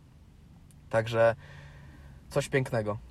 Coś pięknego. Chciałbym teraz pomagać osobom, które są na pierwszym roku właśnie po matwizie, żeby jednak otworzyć im oczy, że się da, tak? I że nie powinni się aż tak bać, że wszystko jest możliwe. Tak naprawdę kwestia tego, jak dużo włożymy w to pracy, jak jesteśmy przekonani, że chcemy kontynuować te studia. A poddanie się jest najgorszym, co można zrobić. Lecisz do końca, wszystkie terminy, musisz podejść i jakby włożyć 100% w zdanie tego egzaminu. No i się udało, tak? I teraz będzie coraz mniej tej biologii, coraz mniej tej chemii. Teraz kończę, kończę drugi rok i po zdaniu modułu biologicznego e, na tym roku, no na trzecim już będzie praktycznie zero biologii, praktycznie zero chemii, tak? Także to jest niesamowite, że przetrwałem. Jak wielu. Ale popatrz, że słuchaj, ty nie zdałeś pierwszego terminu, miałeś załóżmy te dwa tygodnie. I teraz pytanie, jak to zrobiłeś? Nie, nie chodzi mi o to, żebyś mi teraz odpowiadał, ale popatrz, że Jasne. ty znałeś metody, tak? No bo ja cię znam i wiem dobrze, że ty masz jakby. Mm, no po prostu masz w małym paluszku metody nauki, tak? Do tego przedmiotu, do tego, tak jak już na początku, na samym początku tej rozmowy powiedzieliśmy sobie na przykład o metodzie ciekawskiego dziecka, pałacu myśli, coś tam, coś tam. My mhm. jesteśmy jakby na bieżąco z tymi rzeczami i teraz pytanie, jeżeli ktoś byłby w takiej samej sytuacji jak ty i by nie znał tych metod, może być ciężko, tak? Czyli po prostu czyta... ja powiem sobie, że będę czytał do tego egzaminu tą książkę codziennie jedną stronę, mam 360 dni, 360 stron jest tak, ma ta książka, damy mhm. radę, prawda? Przeczytam ją nawet dwa razy, dwie strony dziennie będę czytał. No nie ma mhm. takiej możliwości. Po prostu są pewne metody, które działają i są pewne, które nie działają. Nieważne, czy przeczytasz raz tą stronę, czy przeczytasz ją siedem razy, to za tydzień ją zapomnisz. Zauważ, że w liceum to było tak. Uczyliśmy się do egzaminu, yy, przed lekcją czytaliśmy pięć razy i faktycznie do tego egzaminu będziesz to pamiętać ale za 2-3 dni nie będziesz miał pojęcia o tym, co tam było. A na studiach tak. rzadko się zdarza coś takiego. Inaczej, inaczej. Na moich studiach, na których jestem ja, jestem w stanie się wypowiedzieć, na o innych nie. Ale na moich studiach, na moim kierunku, ja nie mam rzeczy, które się uczę, bo muszę do danego egzaminu, tylko ja się uczę rzeczy, które mi się przydają potem stary, no po prostu na co dzień, tak? To są rzeczy, które ja wykorzystuję. Ja już Ci opowiadałem, znasz mój, jakby mój kierunek tak pod względem tak. takim praktycznym. Bardzo praktyczne rzeczy, za które jestem bardzo mhm. wdzięczny. I gdybym nie znał tych metod, to ciężko by mi było po prostu się nauczyć. Ja mam wszystko zaplanowane, wiem, że moja największa produktywność jest od 9 do 11, wiem jaką metodą zastosować, jaką metodę zastosować do tego przedmiotu, jaką do tego przedmiotu, rozmawiam z kimś, coś tam, coś tam i to wychodzi. I potem wychodzi to, że ty wymaksowałeś prawie chemię w drugim terminie, gdzie i tak bardzo dużo ludzi nie zdało. Prawie nikt. Prawie nikt, dokładnie, no to o czym mówimy. Więc jakby i, i najlepsze jest to, że te metody są dostępne. Trzeba ich poszukać. Ja, to jaką książkę polecamy? Chyba w dwójkę możemy... Inaczej. My, jeżeli byśmy byli na waszym miejscu, to byśmy ją przeczytali. E, Radek Tak. Kotarski, e, Włam się do mózgu. Włam się do mózgu. Pozdrawiamy Radka. Pozdrawiamy Radka. Pozdrawiamy Radka. Myślę, że nie będzie tego słuchał, ale... Słuchaj, ale on teraz prowadzi z tym, z, z, z kim on tam prowadzi rozmowę? Y, on ma swój podcast z Dawidem Podsiadło. Mhm. I oni, słuchaj, mają swój podcast i normalnie nawijają też tam załóżmy dwie godziny. Ostatnio ich główny temat to był, e, znaczy teraz mamy maj, maj, czyli miesiąc temu. Główny temat to Jasne. był ranking województw. Coś tam o takich tematach rozmawiają, wiesz, ciekawych, takich po prostu innych. Jasne. I jakby Radek oglądał nasz podcast, to tutaj polecamy i pozdrawiamy go, także no. Nie, ta książka, co możemy o niej powiedzieć? E, Lokowanie produktu. tak. E... Ale nie, no generalnie stary to. No zmieniła, co? Zmieniła nasze tutaj taką. Jak najbardziej. No przede wszystkim to był mój początek, tak? Przeczytanie tej książki to był mój początek, jeśli chodzi o metody nauki, bo on e, opisał to w ten sposób, że ja uwierzyłem, że jest to mi potrzebne. I faktycznie przestawić się było ciężko, bo jakby mamy tak na maksa przez polski system edukacji zakorzenione em, wielokrotne czytanie, że ciężko jest się kłócić z właśnie naszą wolą, jeśli chodzi o przeczytanie czegoś e, kilka razy albo zakreślanie, tak? No a generalnie, jak mówią badania, jest to dno. Dno. Nie ma gorszej metody. Także jak najbardziej, żeby otworzyć sobie oczy, e, otworzyć sobie oczy na różne metody nauki. Jak zrobić to szybciej, tak? Bo jak najbardziej jesteś w stanie przeżyć na, na studiach medycznych, czek- czytając najgrubsze em, podręczniki, książki wielokrotnie, tak? Tylko zajmie ci to 23 godziny dziennie, no i godzina ci zostanie na spanie. Co jest dość słabą opcją. A nauka em, dwie godziny dziennie, ale w jakiś kreatywny sposób, no jest to zdecydowanie lepszy wybór. Tak. Jak potem zagospodarować 22, no to już wolna wola. Tak, tak, tak, tak, tak, tak. Szczególnie, że ta cała nauka musi być przyjemnością, a nie, że ty czytasz, wiesz, męczysz się, śpisz mało. Mm, wiadomo, że jeżeli jest tydzień do egzaminu, to ja też Tak. oczywiście mam mniej czasu na przyjemności, więcej na to, ale generalnie całą drogę do egzaminu ja biorę w takich kategoriach fajne doświadczenie, coś nowego, Mhm. prawda? Dowiem się czego, jakichś nowych rzeczy. Słuchaj, ja miałem też poprawkę w pierwszym semestrze. Miałem poprawkę z egzaminu i e, to był egzamin, czekaj, no dobra, żeby tak... E, prze- przedmiot generalnie nazywał się IT Skills i główny temat danego egzaminu to był Excel. Po prostu wszystkie zadania w Ex- z Excela. I moja siostra jest analitykiem i generalnie ona się znana, no jakby codziennie używa Excela. I jak zobaczyła pierwszy termin naszego Excela, to powiedziała tak, że gdyby oso- że osoby, które na co dzień nie zajmują się Excelem, nie są w stanie zrobić tego. I faktycznie, większość nich nie zdało, standardowo.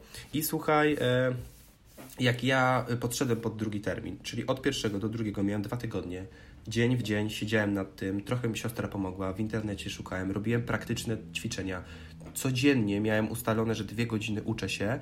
No i drugi egzamin, tak jak ty, no, miałem prawie 100%, jako jedyny zdałem drugi termin. E, Mhm. i to nie było tak, że ja zrobiłem raz albo dwa i przejrzałem jakiś podręcznik, który mówił o tym. Nie, tylko to było stricte zaplanowane każdego dnia, co robię. Każdego dnia. I jeszcze dobrą metodą jest uczyć się, popatrz, ja, ja na przykład, jak, ty pewnie też, jak uczyłeś się do matury, tak samo ja do tego egzaminu, trochę ponad dany termin, ponad trochę dany em, tematykę, tak? Czyli jeżeli ja się uczyłem do matury rozszerzonej, z matmy tak samo jak ty, to ja na przykład już tam 2-3 miesiące przed maturą, okej, dwa miesiące przed maturą, uczyłem się mm, tematyki, która jest ponad maturą rozszerzoną. Po prostu, żeby zagłębić się w to, co jest wyżej, Tak. bo to bardzo pomaga w tych rzeczach potem, które są niżej. I ja tak samo, po prostu jak do tej poprawki się uczyłem, starałem się znaleźć takie na przykład formuły w Excelu, które nie będą na tym egzaminie, ale które mogą mi umożliwić, tak? Tutaj em, zrobienie tego zadania, albo na przykład do danego zadania podchodziłem z czterech różnych stron. Ta formuła, ta formuła, ta formuła, ta formuła. Starałem się po prostu bawić się tym, bawić się tym. To ma być po prostu przyjemne, tak? A jeżeli, moim zdaniem, jeżeli ktoś jest na studiach, które uważa, że jest on totalnym dnem i nie, jakby nic, nic te studia nie dają, To są dwie opcje. No, inaczej, moim zdaniem, tak?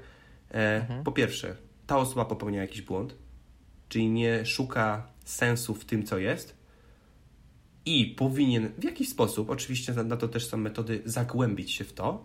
Druga opcja, zostawić to, bo to jest zmarnowany czas, to jest bez sensu. To jest bez sensu. E, w momencie, kiedy jest się na studiach, które uważa ta osoba, że dała, ta osoba że dała z siebie wszystko i stara się wyciągać wszystko i nadal jest bez sensu, może postarać się zmienić, może spróbować, tak? No to jest, to jest podcast dla studentów, więc staramy się na pewno są jakieś osoby, które tak myślą, tak? Że zastanawiają się, czy nie zmienić kierunku, jasne. tak? To nie jest nic, żeby się Jasne. wymądrzamy, tylko chcemy pokazać, że jest taka opcja, bo może słuchają to, te, te, tego osoby, które chcą iść na studia, albo zastanawiają się, czy w ogóle iść, tak? Mhm. Więc my, nie, nie wiem, z mojej strony, to mogę powiedzieć tak, idźcie na studia.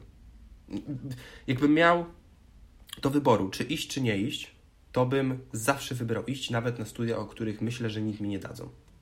Po prostu, oczywiście mogę sobie zrobić przerwy, tak? Sam myślałem o tym, żeby sobie zrobić przerwy po maturze, na przykład, wiesz, rok, tak? I odpocząć, i popodróżować i w ogóle. To też jest taka opcja. Są osoby, które tak robią. Ale idźcie na studia, spróbujcie. Przynajmniej wiesz, nie wiem, jak z twojej strony. No, z mojej to jest taki mój komentarz do tego.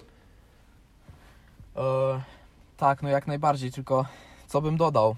Żeby to były studia dzienne, a nie zaoczne. Tak?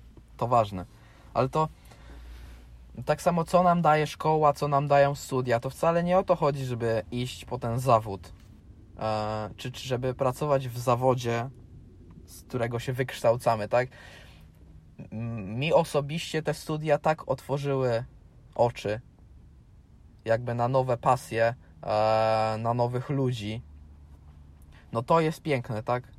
Niesamowitą, niesamowite doświadczenie z tego, z tego czerpę.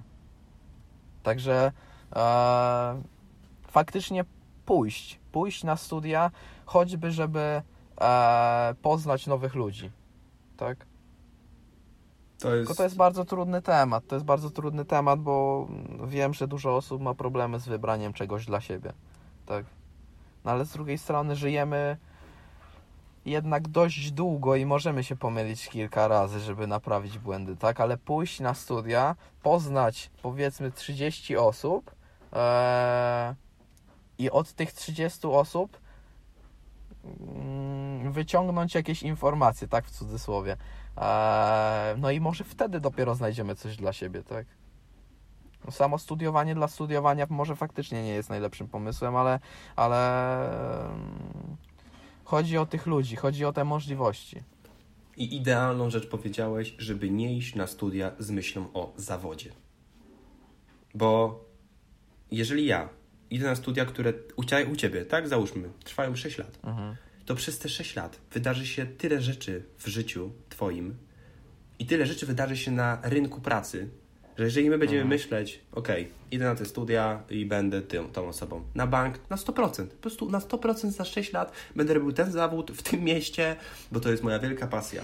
Oj, przez te 6 lat naprawdę można swoje życie odwrócić o 180 stopni. Jak to mówią piłkarze o 360. Nie, no, żartuję, tutaj stereotypy, stereotypy, żartuję, żartuję. O 180 stopni e, i po prostu jakoś iść tylko na, na, te, na, na te studia z taką, z taką wiesz, takim przemyśleniem. Ja chcę się czegoś nauczyć. Chcę się dowiedzieć o życiu więcej. Chcę poznać ludzi. Po prostu nie zamykać się tak jak w liceum, nie? Bo to jakoś te, te liceum jest dla mnie takim miejscem, pamiętam, miałem, chodziłem do trzech, pierwsze liceum w innym, drugie w innym, trzecie w innym, to każde liceum, jakie zwiedzałem, nie różniło się niczym, jakie zwiedzałem, jak to brzmi. No, tu byłem dwa dni, tu pięć, także dobry, dobry. Nie no, po prostu, wiesz co chodzi, nie? Że każde liceum jakoś tak, patrząc na te moje trzy, na te trzy one są nastawione na daną naukę, dany temat i nie ma opcji, żeby nauczyć się czegoś innego, tak? Tylko jest po prostu to i nie ma innych możliwości. Po prostu jesteśmy wkładani w taką ramę tego systemu i nie możemy się nauczyć innych rzeczy. Tak, bo potem studia i potem zawód. No nie, to chodzi o coś więcej. Chodzi o coś więcej, chodzi o to, żeby po prostu bawić się, żeby się uczyć, żeby, żeby... To nie chodzi tylko o rozwój osobisty, tak? Bo teraz ludzie, powiedzą, ludzie powiedzą, że wiesz, że e, just do it, tak? Chodzi, jesteście jakimiś mówcami motywacyjnymi, zróbcie to. Nie, nie chodzi o to, żeby, nie wiem, e, wstawać o 5 rano i jedziemy z tym każdego dnia. Chodzi o to, żeby to było przyjemne, ale że taka perspektywa takiego rozwoju, po, po, poznawania tych ludzi w ogóle jest lepsza. Lepsza od tego, żeby siedzieć w domu i tak naprawdę nic nie robić i tylko na, narzekać i mówić, że wiesz, to jest dobre, a to jest dobre. Jakim prawem ty się wypowiadasz, czy to jest dobre, czy nie? Jak ty nie doświadczasz życia. Siedzisz tylko w domu i robisz liceum, potem studia i tak naprawdę siedzisz w domu i co. Teraz wszyscy siedzą w domu, ale co robisz? Tak, czy masz tylko, robisz tylko to, o co cię proszą? Czy starasz się dojść do czegoś? No okej, okay, no możesz tak robić, tylko czy potem może być już za późno na coś? No właśnie, no właśnie. Myślę, że akurat rola liceum jest troszkę inna. Jakby w liceum zdobywamy w przymusowy bądź nieprzymusowy sposób jakieś podstawy inteligencji, inteligencji emocjonalnej. Poznajemy też garstkę ludzi. Jest to jakiś czas, żeby zdobyć wiedzę dość podstawową, już pomijając fakt w jaki sposób. E, I dopiero potem jesteśmy gotowi na otworzenie się na wszystko, co, co, co, nas, co nas otacza. Myślę, że ja bym w liceum nie był do końca gotowy. Jednak to jest ten czas, kiedy, kiedy jeszcze musisz spróbować wielu rzeczy i, i dopiero na studiach pojawia się ten moment. ten moment wydaje kiedy... mi się, że liceum jest jednak takim miejscem, że okej, okay, matura. Tak, to jest, to jest cel. To jest cel. Tak, tak, tak. To, to Myślę, jest cel. Tak. Myślę, że tak. Mm, oczywiście już abstrahując od tego, że tak naprawdę bez liceum jesteśmy w stanie zdać matury. Tutaj myślę, że e, faktycznie ja jestem przykładem osoby, która bez, bez szkoły, tak? No bo tutaj nie, mhm. nie ukrywając, ja w pierwszej liceum byłem w szkole sportowej, w drugiej byłem w szkole sportowej i jak tutaj są stereotypy o tym, że szkoła sportowa jest totalnie do bani, to to nie jest prawda, dlatego że jesteśmy w stanie się nauczyć i to jest dobry czas, żeby się nauczyć samemu. Nie będę tutaj tego tematu jakoś bardzo rozwarstwiał, ale e, no, to nie jest miejsce, gdzie nauczyciele cię dużo nauczą, tylko po prostu trzeba samemu, tak? Ale jest na to czas. I jeżeli byłem tu i tu, tu sportowe, tu sportowe, tu sportowe, a po, przed maturą byłem 4 miesiące czy 5 miesięcy w domu, bo wtedy już był koronawirus i nie mieliśmy szkoły, mhm. tylko online, mhm. znaczy już wtedy nie mieliśmy zajęć, to to był najlepszy czas ja wtedy zrobiłem taki postęp, zrobiłem taki postęp, że no, w, w, słuchaj, z matematyki byłem, w szkole byłem drugi, po moim bracie. Też śmieszna sytuacja. Ale nie, nie wiem, czy nie, dzisiaj nie będziemy tego tematu rozwarstwiać. Więc yy, i nauczyłem się, stary, do tego, będąc w domu, bez szkoły, tak? I, jakby, a gdzie w pierwszej i w drugiej liceum byłem w 100% poświęcony, wiesz, takiemu mm, sportowi, tak? Czyli po prostu, sport, mhm. sportowi, nieważne. Po prostu byłem poświęcony dla sportu, a, nie do, a niekoniecznie dla nauki i dla rozwoju, prawda? Czyli tak naprawdę tylko te pół roku w szkole, w trzeciej liceum, gdzie pamiętam, no nie, to, to nie była zbytnio nauka. Tak naprawdę tylko ostatnie pół roku do matury to było niesamowity czas właśnie takiego zdobywania wiedzy. Jeżeli ktoś mówi, jeżeli ktoś mi teraz powie, że bez matury, sorry, bez liceum nie jesteś w stanie osiągnąć matury, nie jesteś w stanie zdobyć matury, nie jesteś w stanie pójść na studia, no to nie.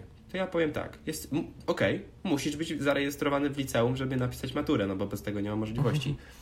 Ale ci nauczyciele, wymienię na palcach jednej ręki, nauczyciele, którzy przez te trzy lata pomogły, pomogli mi w jakiś sposób zdać maturę. Tak, to jest, to jest garstka. To, po prostu to jest czas, jeśli chodzi o, o, poznawanie ludzi, spoko. Jeśli chodzi o stricte naukę, edukację do matury, no tu bym się mylił. To ja bym, tak, to, to mogę się wypowiedzieć, że no, jestem przykładem i mam jeszcze taką jedną osobę obok siebie, która jest na moich studiach, e, która mhm. też zakończyła e, liceum sportowe i napisała maturę, że tak dobrze, że też dostała się na nasz kierunek. I to jest, i to pokazuje, że ta szkoła nie jest przygotowana do tego, żeby nas nauczyć do tej matury. My naprawdę musimy dużo pracy włożyć od siebie, co jest też dobre, bo ja bardzo dobrze to wspominam i to mi generalnie nauczyło życia. Takie przygotowywanie się samemu. Czy na przykład, wiesz, tutaj tata, który jest no, e, informatykiem, to mi pomagał z matmą, coś tam, coś tam, ale generalnie to no, i są jakieś pewne błędy, moim zdaniem, w edukacji w liceum. Po prostu. Uh no ty no też tak. masz ze środka, prawda? Ty też masz ze środka perspektywę, no bo brata masz. prawda? I też o tym rozmawiacie. Tak, tak, tak, dokładnie. Eee... No, ludzie myślą, że, że właśnie, że, że nauczyciel ma nauczyć, a może, mm, no to, znaczy nie może, no na pewno, na pewno to nie jest prawda, tak? Nauczyciel nie ma nauczyć. Nauczyciel ma powiedzieć, jak się masz nauczyć, czego się masz nauczyć, z czego się możesz nauczyć. Pokazać drogę, którą Pokazać drogę, podążać. dokładnie. Mhm. Tak, a jakby wynik matury zależy tylko od ciebie. Tylko od ciebie, tak? I jakby no to jest kwestia tego, jak się, jak się bardzo przyłożymy, tak? Jak się bardzo przyłożymy. Jak nam zależy, co chcemy uzyskać. Tak. Tak to wygląda. No tylko właśnie mm, niestety można trafić na gorszego, można trafić na lepszego nauczyciela. No tutaj mm, nie powinno się generalizować, tak, ale że, że, że, że, że tacy są, a nie inni. Ale e... no cóż, jeśli ktoś gorzej trafił, to na pewno ma dostęp w internecie do lepszego źródła informacji, czego się nauczyć pod dany kierunek, czego się nauczyć e... pod dany zawód już, tak? No bo tak jak mówiliśmy, no niby nie, nie idziemy na studia, mm, nie powinniśmy iść na studia z myślą, że będziemy pracowali akurat w tym zawodzie, ale, ale nie wierzę, że nie ma osób, które, które właśnie mm, mają marzenie, żeby być lekarzem, tak? I idą na ten lekarski, bo chcą zostać pediatrą, chcą tam pomagać dzieciom na przykład. Tak, tak, jasne, jasne.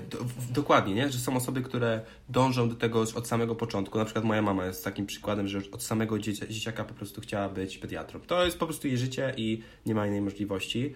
Ale właśnie mhm. są osoby, które idą na studia w ogóle bez pomysłu, tak? Jakiegokolwiek na swoją drogę. Nawet nie chodzi właśnie, nie chodzi o to, że taki zawód, nie? Że za 5 lat będę tą osobą, tylko żeby tak. właśnie otworzyć się po prostu na, na wiele dróg. No to jest, no to jest ciekawy temat. Dokładnie, otworzyć się na wiele dróg e, i nie iść na studia z myślą, że jest to równoznaczne z pracą w zawodzie, do którego te studia nas wykształcają. Tak? Myślę, że to jest kluczowe. Tak. Ile mamy w końcu takich przypadków, że studia pomogły w rozwoju firmy, tak? A jakby tematyka jej działania, czy, czy, czy właśnie e, działalność, którą się zajmują, no jest zupełnie, zupełnie z drugiej strony. No i tutaj myślę, że mogę jeszcze tak powiedzieć, że mm, takie to, co mówisz, że nauczyciel powinien pokazać tą drogę, to ja też mogę ze swojej strony powiedzieć, ta wiedza jest po prostu obok nas. Ta wiedza do, do danego kierunku na studiach, do danego przedmiotu na maturze, do danego kolokwium, to wszystko jest w internecie. Taka jest prawda. My teraz powinniśmy nauczyć się, jak znaleźć tą wiedzę. Ja na przykład uwielbiam przeglądać, przeglądać, no jak już przygotowuję się do czegoś, no to odpalam sobie mhm. na przykład y, y, u nas bibliotekę online i po prostu tam jest tyle artykułów. Ja wpisuję e, w naszej bibliotece na przykład marketing i wyskakuje, wyskakuje mi 100 tysięcy e, artykułów związanych z tym tematem, nie? Nie wiem, tak samo mam subskrypcję tak. na Harvard Business Review i tak samo tam wpisuję coś albo oglądam, czytam sobie artykuły, które są najpopularniejsze ostatnio. To wszystko jest naprawdę obok nas i my musimy tylko po to, po to, wiesz, po to sięgnąć. Mati, myślę, że e, już jest dwie godziny i generalnie był troszkę inny pomysł na, na prowadzenie tych rozmów, ale podoba mi się, słuchaj, podoba mi się dwugodzinna rozmowa jakoś tak y, z tobą, czuję to, nie? Się, co ty w ogóle o tym myślisz? Bardzo fajnie, bardzo fajnie. Chciałbym, żeby, żeby to zostało żeby to nie pozostało bez echa, tak? Żeby ludzie pomyśleli e, troszeczkę nad swoim życiem, teraz mamy super okazję do tego, tak? Cała, cała pandemia, lockdown, to wszystko daje nam możliwość zwolnienia na chwilę. Zatrzymania się, pomyślenia o swoim życiu. Czy to, co robimy, jest ok? Czy może należy wprowadzić jakieś zmiany? Co jest nam niepotrzebne, a co jest potrzebne? Co cenimy bardziej, co cenimy mniej? Myślę, że jest to idealny moment. Jeszcze też pamiętasz, kiedyś Ci mówiłem o takim cytacie, na pewno go kojarzysz, że a propos tych poznawania ludzi, to teraz słuchajcie, też może trzeba, to jest taka pora, żeby zastanowić się, kto jest wokół nas. Że, że jest taki cytat, pokaż mi pięciu swoich przyjaciół, a powiem ci, kim jesteś. Nie? I kto jest wokół nas, kto- ta, osoba, która jest wokół nas, nas kreuje. I po prostu trzeba może teraz, ten czas studiów jest taką, takim etapem, żeby od czegoś się odciąć, żeby może odciąć się od ludzi, którzy, których kiedyś poznaliśmy, ale tak naprawdę, którzy są negatywni, którzy tylko wprowadzają toksyczną atmosferę, toksyczną aurę w nasze życie.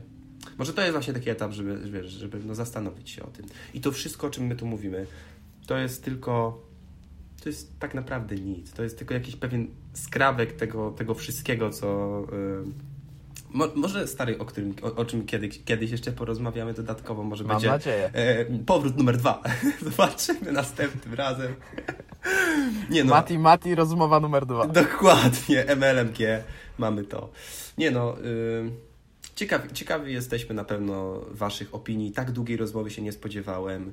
E, Dwie godziny, e, na, no, nawet wiesz, rozmowa jeszcze leci, także zobaczymy ile z tego wyjdzie, ale mm, najbardziej na- zależy mi na tym, żeby chociaż jedna osoba, chociaż jedna osoba, które, z których mm, jedna osoba z y, osób, które nas słuchają, wyłączyła potem ten podcast, usiadła i zastanowiła się nad tym, na ten temat, o czym my tu rozmawialiśmy. Żeby podjęła jakąś decyzję potem, która może coś zmienić. Która może cokolwiek zmienić. Nieważne, czy to będzie dobre, czy nie. To żeby może coś spróbowała. Sięgnęła potem książkę, o których mówiliśmy. Może zrobiła coś jeszcze. Może porozmawiała z kimś. Wyszła do ludzi. Cokolwiek. Żeby po prostu coś zrobić. Mam takie, właśnie to jest taki, taki mój plan, takie moje marzenie, żeby przy, dzięki temu po- podcastowi, żeby chociaż do jednej osoby dojść po każdym podcaście, po każdej rozmowie. No, myślę, że ty masz takie tutaj samo na to patrzenie, prawda? No, chcemy inspirować innych, chcemy pokazywać inną, inną perspektywę. Dokładnie, dokładnie. Bardzo bym chciał uzyskać feedback. Na pewno będzie jakiś kontakt do mnie. e, w jakiś sposób. Twoich znajomych. Bardzo bym chciał. Mati, Tak, bardzo ba- fajnie ba- wypadłeś, tak jest. Tak, no nie, nie, nie o to chodzi, ale wiesz, jakby